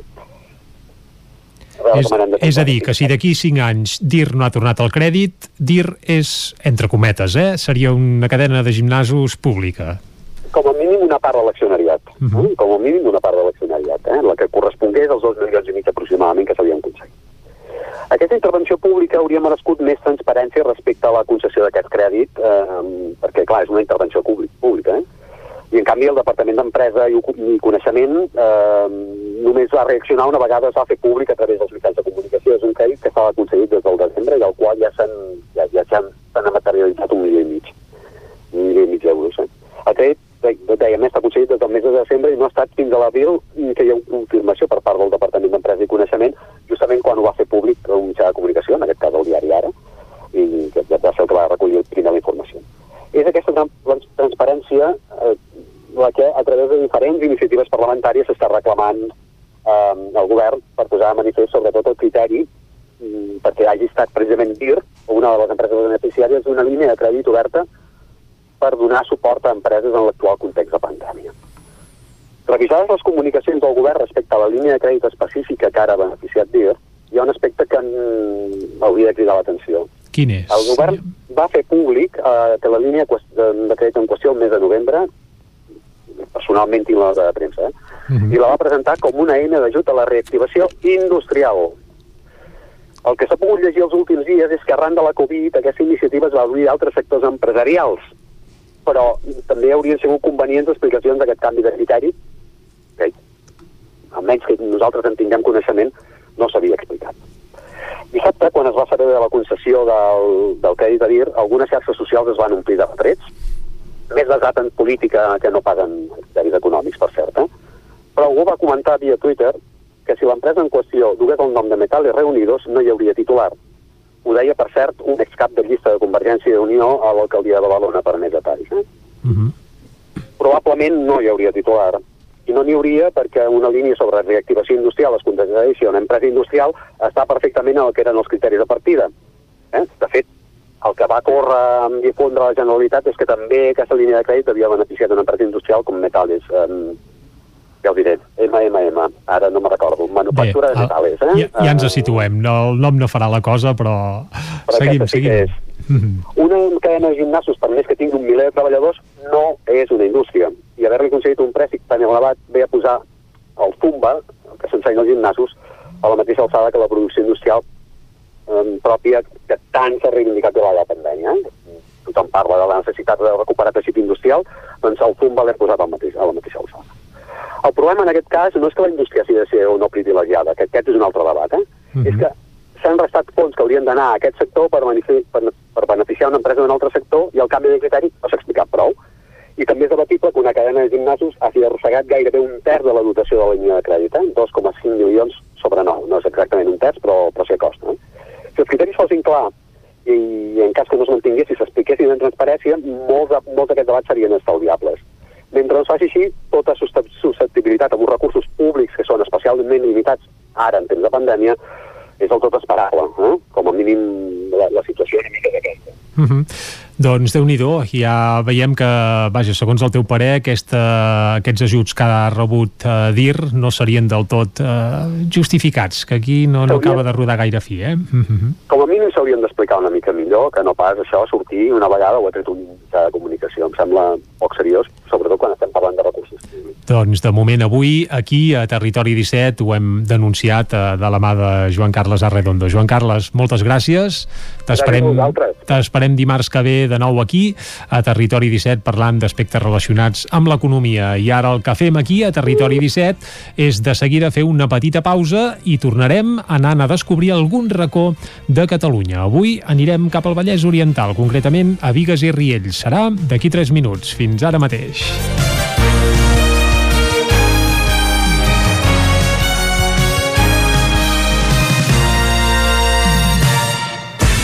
El nou FM, la ràdio de casa, al 92.8. El racó de León. Gaudeix de la nostra terrassa. Vine a tastar les xuletilles de lechal a la brasa amb una bona amanida o el xuletón de vedella gallega. No et pots perdre el nostre lechado de Castilla al forn o el cochinillo a l'estil de Segovia. Tot acompanyat del millor celler, al menjador o fora la terrassa. Descobreix la millor cuina de Lleó sense moure't de casa. Vine amb la família, els amics, la parella o sol. T'encantarà.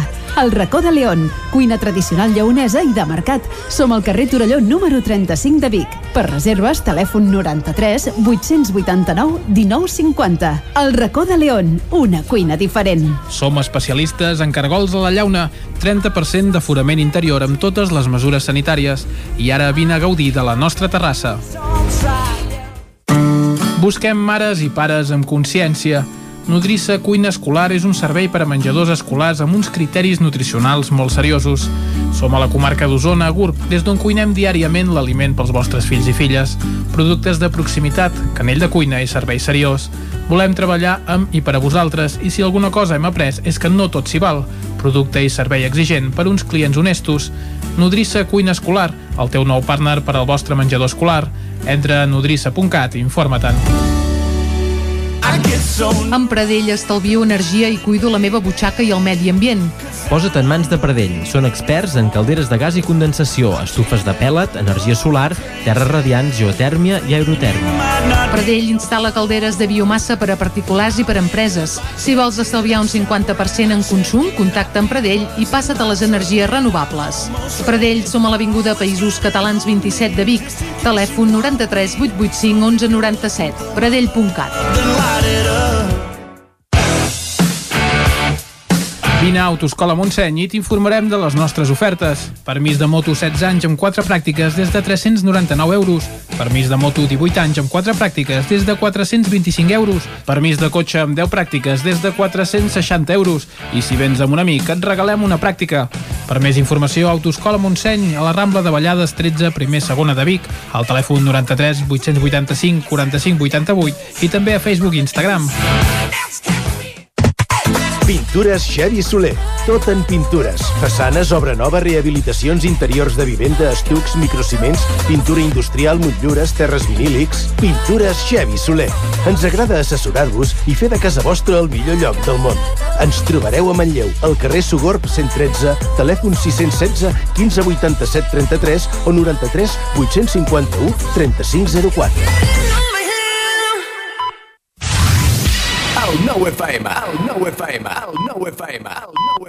Territori 17. I avui al Descobrint Catalunya, com hem avançat abans, anirem a descobrir els atractius de Vigues i Riells, un municipi que la gent que som mig de Vic ens fa certa gràcia perquè a les pobilles de Vigues i Riells els hi diuen biguetanes. Però clar, amb B alta i amb GU, però bé, és una curiositat com una altra. Anem cap al Descobrint Catalunya, avui a Vigues i Riells. Anem-hi.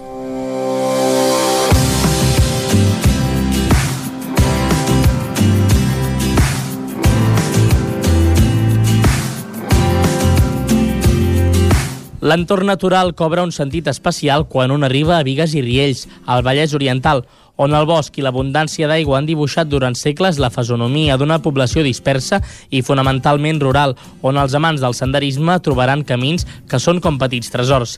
Després de la filoxera, l'agricultura es va diversificar i van aparèixer els primers avellaners, ametllers i el cànem, però la bellesa del paisatge va convertir aquesta població en destinació d'estiueig ja als anys 60. Els primers pobladors del municipi són els caçadors i recol·lectors del Paleolític superior. Un grup de població nòmada feia campaments temporals a Can Garriga del Soleil. En aquest jaciment de referència de la historiografia catalana s'han datat materials d'una antiguitat que oscil·la entre els 12.000 i els 8.000 anys.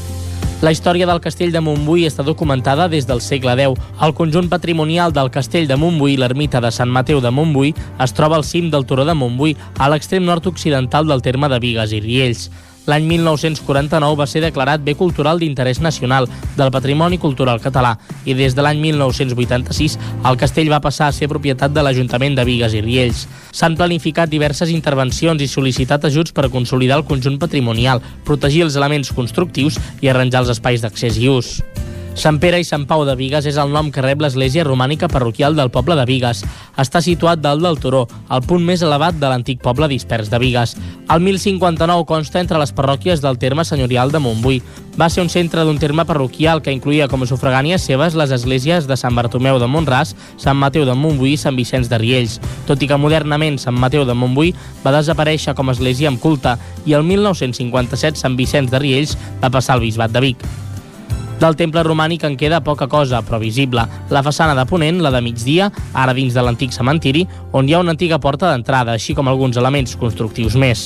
L'església va ser ampliada entre els segles XVI i XVIII, època en què també es va vestir el campanar. A l'interior es conserva un notable retaule barroc, el retaule del Roser. Sant Vicenç de Riells és l'església parroquial d'origen romànic del poble de Riells del Fai. En un document de l'any 971 ja es troba mencionada. Al segle XVI, a causa de la poca feligresia que tenia, va passar a ser sufragània de Sant Pere de Vigues. Entre els segles XVI i XVIII va ser refeta diverses vegades i va perdre gairebé totes les restes antigues. Territori 17. Doncs avui que hem conegut una mica millor alguns dels atractius, sobretot els històrics i bé, i també pel que fa a monuments, sobretot esglésies de Vigues i Riells, aquí al Descobrint Catalunya. Ara que ens toca, com cada dia, és fer un cop d'ull a la R3, a la Trenc d'Alba. Anem-hi. A Trenc d'Alba, edició pandèmia. Ara sense els usuaris que ens explicaven les seves desgràcies a la R3, però amb els mateixos retards i problemes de sempre. Benvinguts a Tren d'Alba. Avui us continuaré detallant el reportatge del 9-9 del Vallès Oriental que destacava en el titular que la meitat de les estacions de Rodalies no estaven adaptades per a les persones amb discapacitat física i sensorial. I posarem el focus sobre les estacions de Granollers, Canovelles i Mollet Sant Fos, que afecten a les línies R3 i R2. A veure, en el primer cas es tracta d'una estació que DIF i Renfe volen fer els deures per adaptar-la en els pròxims anys en el marc del projecte de desdoblament de l'R3. Albert Camps, el regidor d'Obres i Serveis de l'Ajuntament Granollerí, va dir que cal aprofitar la vinentesa d'aquestes obres per matar dos ocells d'un tret i adaptar l'estació. Ell va dir que cal replicar el model de l'estació de França, que ja està dotada de sensors a l'estació nord. A Mollet Sant Fost està previst que s'hi faci una remodelació integral, que preveu la instal·lació d'un ascensor com el que va entrar en funcionament fa un any a l'estació de Mollet Santa Rosa. De fet, amb dues actuacions es van licitar al mateix temps, però una es va acabar en el termini previst i l'altra no. A Mollet Sant Fost va haver-hi un imprevist que va obligar a reiniciar el projecte. L'empresa constructora va abandonar el projecte i es va haver de tornar a començar fent-hi algunes millores. Les obres es licitaran en els pròxims mesos i s'iniciaran el més aviat possible. A veure, no és una unitat temporal clara, però això és alguna cosa. De fet, el porteu de Renfe, Antonio Carmona, la va acotar una mica més i la va datar en el seu inici aquest 2021, que pal·liarà una reivindicació històrica del municipi. Va, ens retrobem demà amb més històries del tren i de la R3.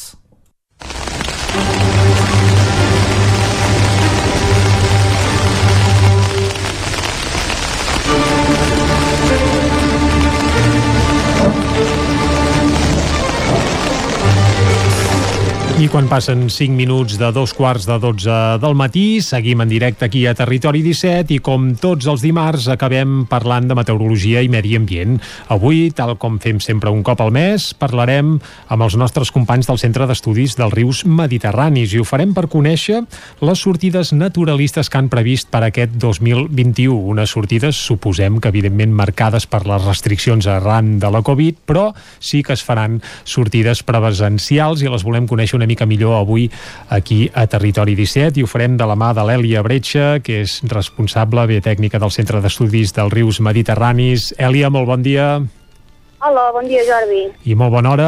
I aviam, primer de tot, comencem parlant d'aquestes sortides naturalistes que organitzeu conjuntament des del Centre d'Estudis dels Rius Mediterranis, des del Museu del Ter de Manlleu i també del grup de naturalistes d'Osona. Sortides que, tot i la Covid, aquest 2021 sí que n'hi haurà, oi? Sí, sí, sí, mira, ja vam començar la primera sortida a nivell físic, diguem que van poder, va poder tenir participants a, a medi natural, diguem, que va ser el dissabte 10 d'abril amb un anellament científic docent. Uh -huh. uh, previ a això, com que encara hi havia més, més, més restriccions que ara, es van fer tres xerrades uh, uh, virtuals, diguem, uh, online, no? que també van tenir Bueno, van, van tenir molt bona, molt bona rebuda, sí, mm -hmm. va anar molt bé.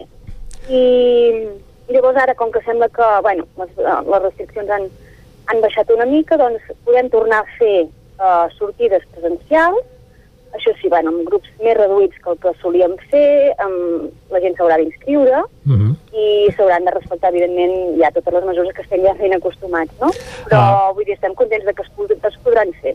Això, això, això és important. Eli, abans de conèixer quines eh, hi haurà properament, eh, detalls per tothom qui vulgui fer cap. Bé, primer de tot hem de recordar que estem en confinament comarcal, almenys fins al dia 26 d'abril, per tant, en principi, algú de fora de la comarca no podria acudir presencialment a fer Exactament, aquestes sí. activitats i aquestes sortides naturalistes. Eh? Això seria el primer Sí. punt. I segon, quines restriccions, per exemple, d'aforament, eh, amb quanta gent calculeu que es pot fer cada sortida? Mira, de moment a dia d'avui ens deixen organitzar activitats organitzades amb grups heterogenis, és a dir, que no són grups bombolla escolar ni, ni una bombolla així molt marcada, que vinguin diferents famílies i diferents grupets, doncs limitem a un màxim de 20 persones que s'hauran d'inscriure a través de la web de, del Museu del Ter, que hi ha a l'agenda, hi ha un link a un formulari d'inscripció, Recordem que és museu.delter.cat, per tant és molt fàcil de fer-hi cap, diguem-ne. i anar a buscar l'agenda, exacte. Mhm. i allà ja hi ha totes programades totes les que hi ha doncs, durant aquest any. Vale?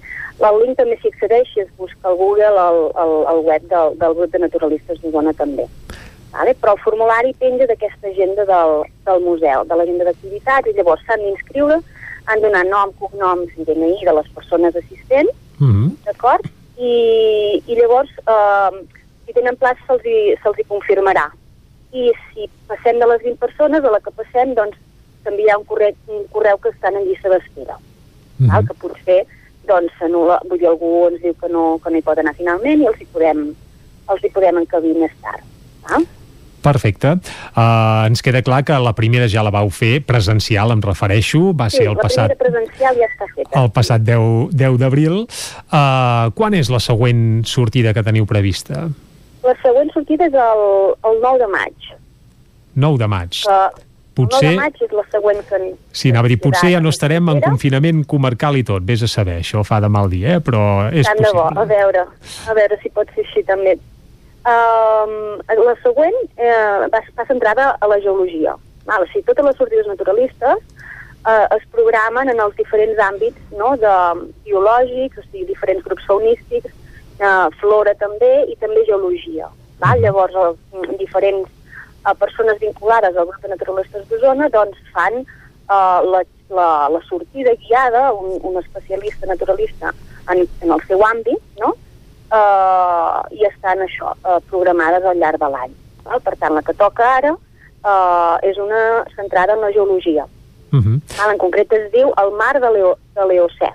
Un recorregut des del fons marí fins a les platges d'Osona. És a dir, com que aquí hi havia hagut un antic mar no?, que banyava tot el nostre territori, doncs faran un recorregut per veure des de ben bé al fons, eh, el lloc més profund que hi havia, fins a una zona més de platja, que ara mateix seria una, una, una muntanya, no? Però vull dir que podran trobar restes Home, un, tot això. un tema que en el cas de la plana de Vic és molt fàcil anar a alguns racons, sobretot de margues, i trobar fòssils, entre cometes, marins, des d'estrelles de mar, eh, petxines, eh, suposo que, que aquest serà el tema que es podrà observar presencialment, exacte, eh? Explicaran això, no? Doncs, doncs si estàs en una zona doncs, que, hi ha, doncs, que hi havia un delta o hi havia una platja i perquè, i perquè saben que allò era un delta i més avall doncs potser trobarem una zona que hi ha un escull coralí perquè t'ensenyaran també algun rastre o el que sigui i bueno, això ho explicaran doncs, l'Ingrid i en Jordi, Mhm. eh, en Jordi Vilà i l'Ingrid Soriguera, que, que estan molt especialitzats en aquest tema. És a dir, fa uns quants anys, bé, eh, moltíssims, eh, diguem que la plana de Vic eh, era un mar en alguns racons. Eh. I això es podrà comprovar in situ el proper 9 de maig, recordem-ho, en una de les sortides naturalistes a Osona que organitzeu. Eh, repassem algunes més. Va, anem més endavant, Èlia. Què més ens espera? Què més ens espera? Uh, llavors vindrà una d'orquídia, val, Mhm. que es farà als entorns de Taradell, Orquídies, per situar el personal, quin tipus de flor és l'orquídia? I suposo que esteu parlant d'orquídies, entre cometes, salvatges, eh? que apareixen Natural, en sí, indrets exacte, naturals. que Eh? apareixen en els camps, sí, sí. Mhm. uh, són unes flors, bueno, les orquídees són unes flors molt vistoses, que, bueno, evidentment que n'hi ha molta, moltes de vistes a les floristeries, que són molt, molt grosses, espectaculars, aquestes no, però Mhm. també són molt boniques les que surten de forma espontània i natural aquí, aquí a la comarca, vale? I Doncs- tenen aquest aspecte tan espectacular per atraure els polinizadors, bàsicament. Doncs tant de bo plogui per intentar identificar-les. doncs tant de bo plogui una mica com ens ha avançat el Pep Acosta aquests propers dies, que això voldrà dir que aquestes orquídies sortiran ufanoses i seran fàcils de veure el proper 22 uh, de maig. Seguim, seguim una mica endavant perquè la setmana següent Sí. crec que també teniu propostes, eh? Sí, com que ja estem en plena primavera, llavors eh, estan una mica més concentrades en aquest mes. Uh -huh. Eh, hi ha el 29 eh, una d'amfibi, que es farà eh, a Vic, a la bassa, a la bassa de, del Puig dels Jueus, val? i allà s'intentarà fer una, un mostreig de, dels possibles capgrossos eh, que hi, i, i amfibis adults doncs, que, que puguem trobar per allà i identificar-los també. Què més s'hi pot trobar, Ah. per exemple, en el cas d'aquesta bassa del Puig dels Jueus? A part de capgrossos, eh, pot ser que hi hagi algun altre amfibi per allà? Sí, poden haver doncs, eh, reinetes, algun gripau, algun galàpet, i així s'explicarà una mica com diferenciar uns dels altres. -huh. Doncs qui vulgui conèixer més coses sobre amfibis té una cita a finals de maig eh, en aquestes sortides naturalistes. Eh, seguim endavant, Èlia, perquè suposo que n'hi ha més encara, eh? Sí, no sé si tindrem temps d'explicar-les totes, eh, perquè ens en anem fins a final d'any també, però bueno, així les primeres... Sí Sí, les primeres hi passem, des, i després ho acabarem apuntant, però de, de moment seguim fent, fent el repàs. Després també una sobre flora i vegetació, val? per, per fer un recorregut, per, per, bueno, per identificar les diferents espècies de- d'arbres i de- d'arbustos i de plantes que ens podem trobar en un recorregut que, que es farà. Uh -huh. Per tant, una mica de pedagogia de l'entorn que sempre va bé i més ara que en temps de pandèmia segurament molts hem tingut molt més temps del que era habitual per conèixer el que tenim a prop de casa, doncs amb una sortida com aquesta és una bona manera de, com a mínim, tenir clar quins arbres eh, estem veient, alguns ocells potser també que els sentim a piular i en una sortida com aquesta això ho posaríeu tot en solfa, diguem-ne, eh? Exacte, aquest en concret serà això, un recorregut més aviat botànic, Uh -huh. ah? Per veure els diferents tipus de bosc i de prats i veure quina, quines plantes i quins arbres hi ha. Molt bé. Llavors, si seguim, eh, el dia 12 de juny n'hi ha un altre sobre, sobre geologia també. Uh -huh. Eh, en aquest cas no es farà una immersió des del lloc més profund fins al més superficial del que havia estat un mar, sinó que aquest cop s'anirà a descobrir un, un escull, el que era un escull coralí a la zona de Collsospina, al Moianès. Per tant, esperem que aquestes dates ja no hi hagi confinaments comarcals, però en aquest cas eh, tenir clar que això serà el Moianès a Collsospina. Exacte, sí. A veure, també recordar que això, quan, quan consultin la gent del allà on s'han d'apuntar, si hi hagués alguna restricció que no es pogués portar a terme, allà hi haurà tota la informació actualitzada, la informació la penjarem actualitzada eh, aquí en el- en el- en el- l'espai de l'agenda que parla de la sortida i també a través de, de, del, de la web i de, del Museu del Ter i del, del grup de naturalistes per qualsevol Mhm. canvi o alguna incidència que pugui haver. Bé, tant de bo a partir d'això, de la primavera ben avançada, no hagin de, de patir restriccions de mobilitat com les, que, bé, com les que tenim actualment. Això seria una molt bona notícia i una bona senyal i voldria dir que en mica en mica ens n'anem en sortint de tot el sotrac de la Covid. Ah, Exacte, uh, que anirem cap a millor. Esperem, esperem que sigui així. Èlia, seguim una mica endavant. Va, tenim temps de repassar-ne alguna més de proposta Va. encara. Doncs mira, després, cap a mig juliol, el 19 de juny, ai, perdona, al, al mig de juny, el 19 de juny hi ha eh, una de papallones diurnes, eh, que aquest any en tenim una també de papallones nocturnes, però Mhm. aquesta que de més cap al bon temps la fem amb papallones diurnes, per tant l'hem de fer eh, ben bé en, en un dia assolellat i, i més cap, a la, cap al mig del dia per poder-la, perquè és quan es veuen millor, no? Uh -huh. Recordo que fa, fa un meset amb el Marc Ordeig precisament comentàvem això, eh, que cada vegada costen més de veure les papallones, eh? Costen més de veure perquè n'hi ha menys, bàsicament, clar. Uh -huh. Sí, això us ho podran explicar molt bé l'Albert Palou i en Martí, que seran els guies, i Martí Frank, que seran els guies del, del, que estan més especialitzats en les papallones, Mhm. i en saben un munt, però sí, eh, hem de buscar això, esperar una, una l'hem programat en aquesta data precisament per intentar eh, buscar una data òptima per, per poder veure el màxim que, que es pot tenir de- d'observació. De papallones. D'observació de papallones, sí. Uh -huh. Sí, sí. Seguim repassant l'agenda. Ja gairebé som a les portes de l'estiu, ja, eh? Sí, ja ens arribem al juliol mm -hmm. i, i, en, i, en, en, en tenim programada una de libèl·lula, val? Que aquesta és una que, que se sol repetir cada any. Libèl·lules, que perquè ens entengui eh, mm -hmm. tota la gent de Territori 17, són també els espiadimonis, eh? Eh que sí? Exacte, sí, sí, sí. sí. Mm -hmm. Els espiadimonis doncs, són un dels grups de les libèl·lules, que, que la gent els coneix molt, quan, quan vas a passejar pel voltant d'una bassa, eh, doncs, o d'un riu que estigui una mica amb un tros una mica més calmat, doncs la, la major part de la seva vida la passa en, en forma aquàtica, val? però també hem de buscar un moment de molt de sol i, i al mig del matí perquè podem veure doncs, algunes, fins i tot com, com surten i, i surten de, es transformen no, de, de la larva a l'adult traient les ales mm -hmm. i també en trobem més de, que estan volant per, per aquesta zona aquàtica i podem fer així més bones observacions. Uh, això ha de ser espectacular, eh?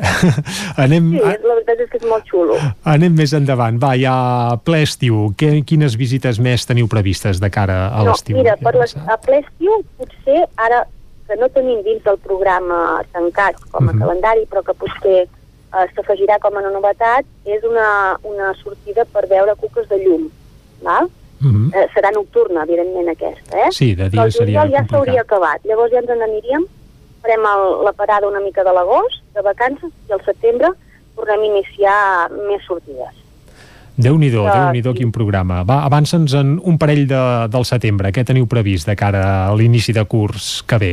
Mira, del setembre en tenim de grills i saltamartins, eh, és a dir, un, una paraula molt fàcil per dir el món dels ortòpters, que aquesta és una paraula més Uf, complicada, val? però perquè la gent ho entengui així de, que es pugui fer una idea ràpida, doncs és anar a veure grills i saltamartins, eh? Vull dir, uh -huh.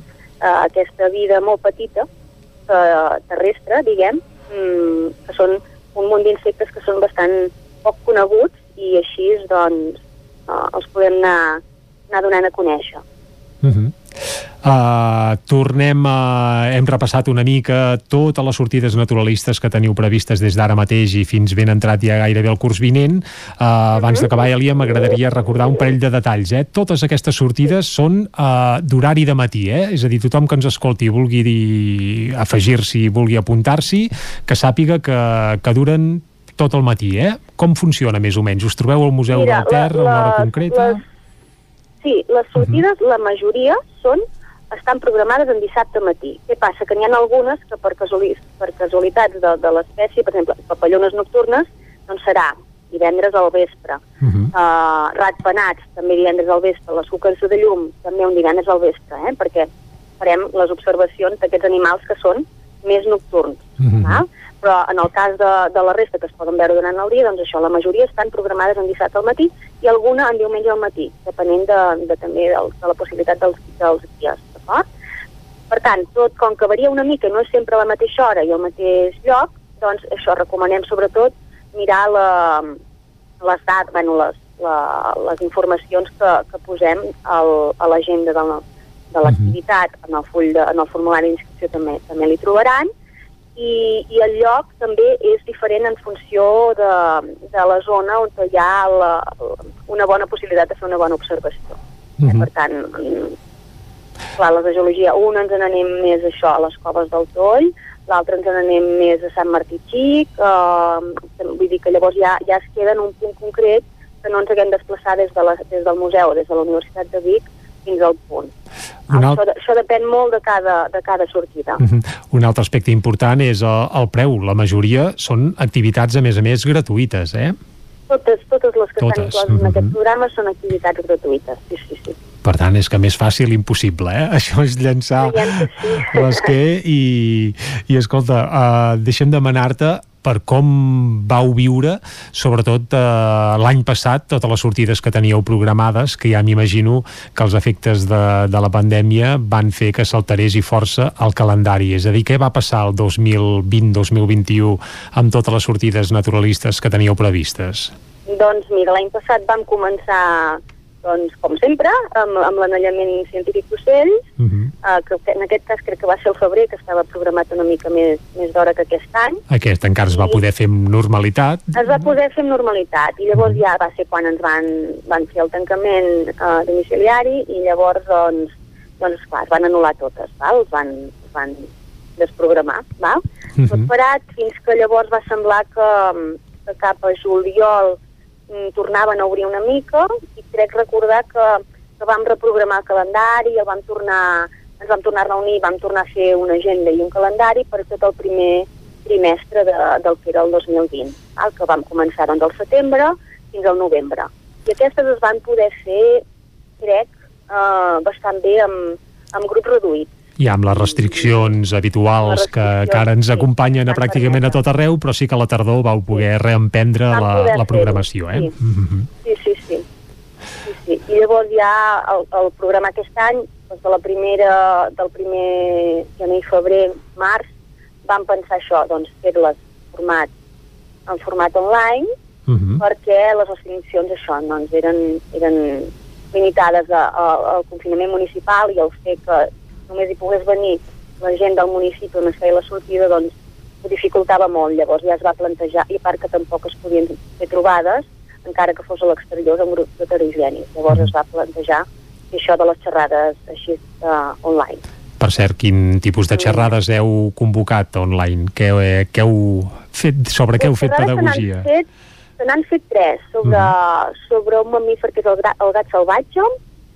Uh, es, fa una, es va fer una introducció que serà la sortida de geologia, uh, aquesta que us comentava del mar, uh, doncs es va fer uh, també en línia, i una altra sobre uh, l'explicació de l'ala d'estorquíries que, que s'ha fet a Osona. No? Llavors, uh, van tenir molt, molt bona rebuda i estan penjades al canal de YouTube del Museu del Ter per qui, se la, per qui no, per qui no l'hagi pogut veure, doncs pugui recuperar, per exemple, abans d'anar a fer la sortida, per exemple. Doncs seria una bona manera d'esmolar les eines de cara exacte, Exacte. a aquestes sortides presencials. Pot donar un cop d'ull al canal, sí, sí. Uh -huh.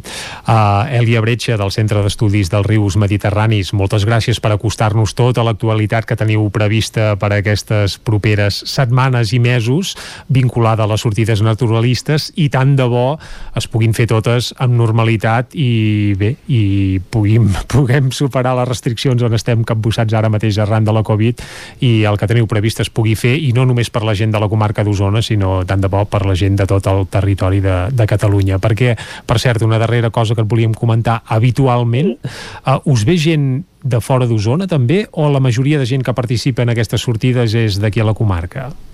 Mira, trobem de tot, però sí, la majoria són d'aquí a la comarca, però sí que si hi ha un tema molt específic o un, o un naturalista que té molt interès en un tema, doncs ens pot venir tranquil·lament des de, des de qualsevol punt, Mm. de l'àrea metropolitana sobretot. Sí, sí. Perquè recordem-ho que estan obertes a tothom, eh? No cal ser un a especialista ni, ni cap expert Exacte. en la matèria, eh? No, no, no, no. Són matinals que, que normalment comencen a les 10 del matí i s'allarguen, doncs, això, fins abans de dinar.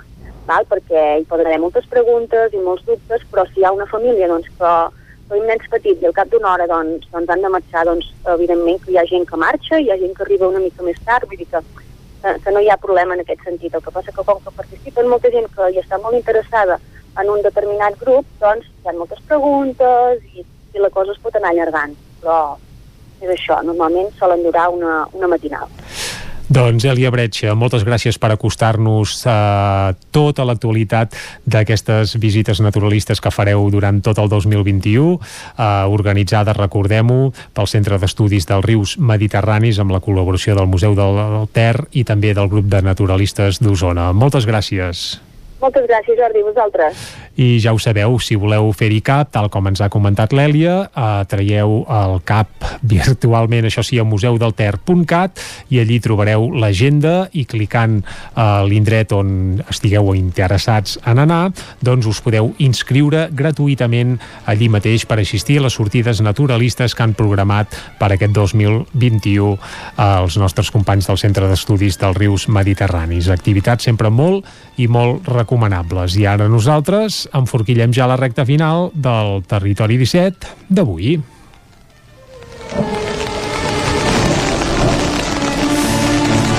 Un territori 17 que hem començat, com sempre, a primera hora del matí, acostant-vos l'actualitat de les nostres comarques. Com sempre, totes les notícies de casa vostra, del Ripollès, Osona, el Moianès i el Vallès Oriental, us les acostem, sobretot, de les 9 a les 10 del matí. Després, puntualment, també, a les hores en punt, nous butlletins informatius. Avui us hem ofert, com sempre, informació també a les 9 del matí, a les 10 i a les 11.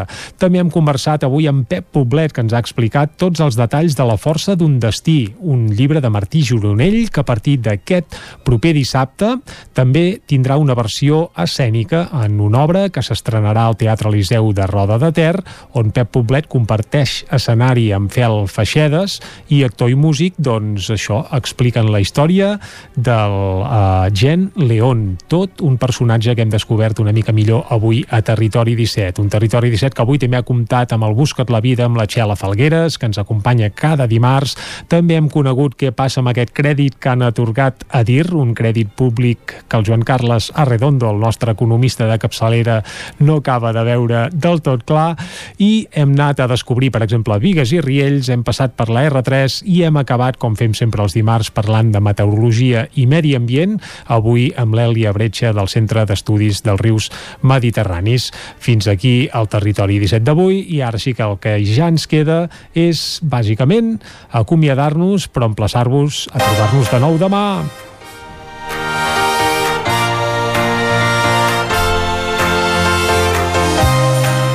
Abans d'acabar, per això, recordar-vos que avui hem fet possible el Territori 17 gràcies a Vicenç Vigues, a Clàudia Dinarès, a David Auladell, a Caral Campàs, a Isaac Muntades, també hem comptat amb Arnau Jaumira, a més a més avui també ens ha acompanyat la Xela Falgueres, en Joan Carles Arredondo i us ha parlat en Jordi Sunyer.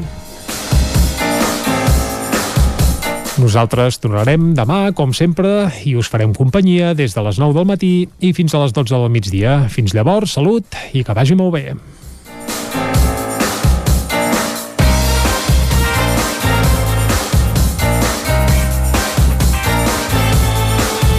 Territori 17, un magazín del nou FM. La veu de Sant Joan, Ona Codinenca i Ràdio Cardedeu amb el suport de la xarxa. El nou FM.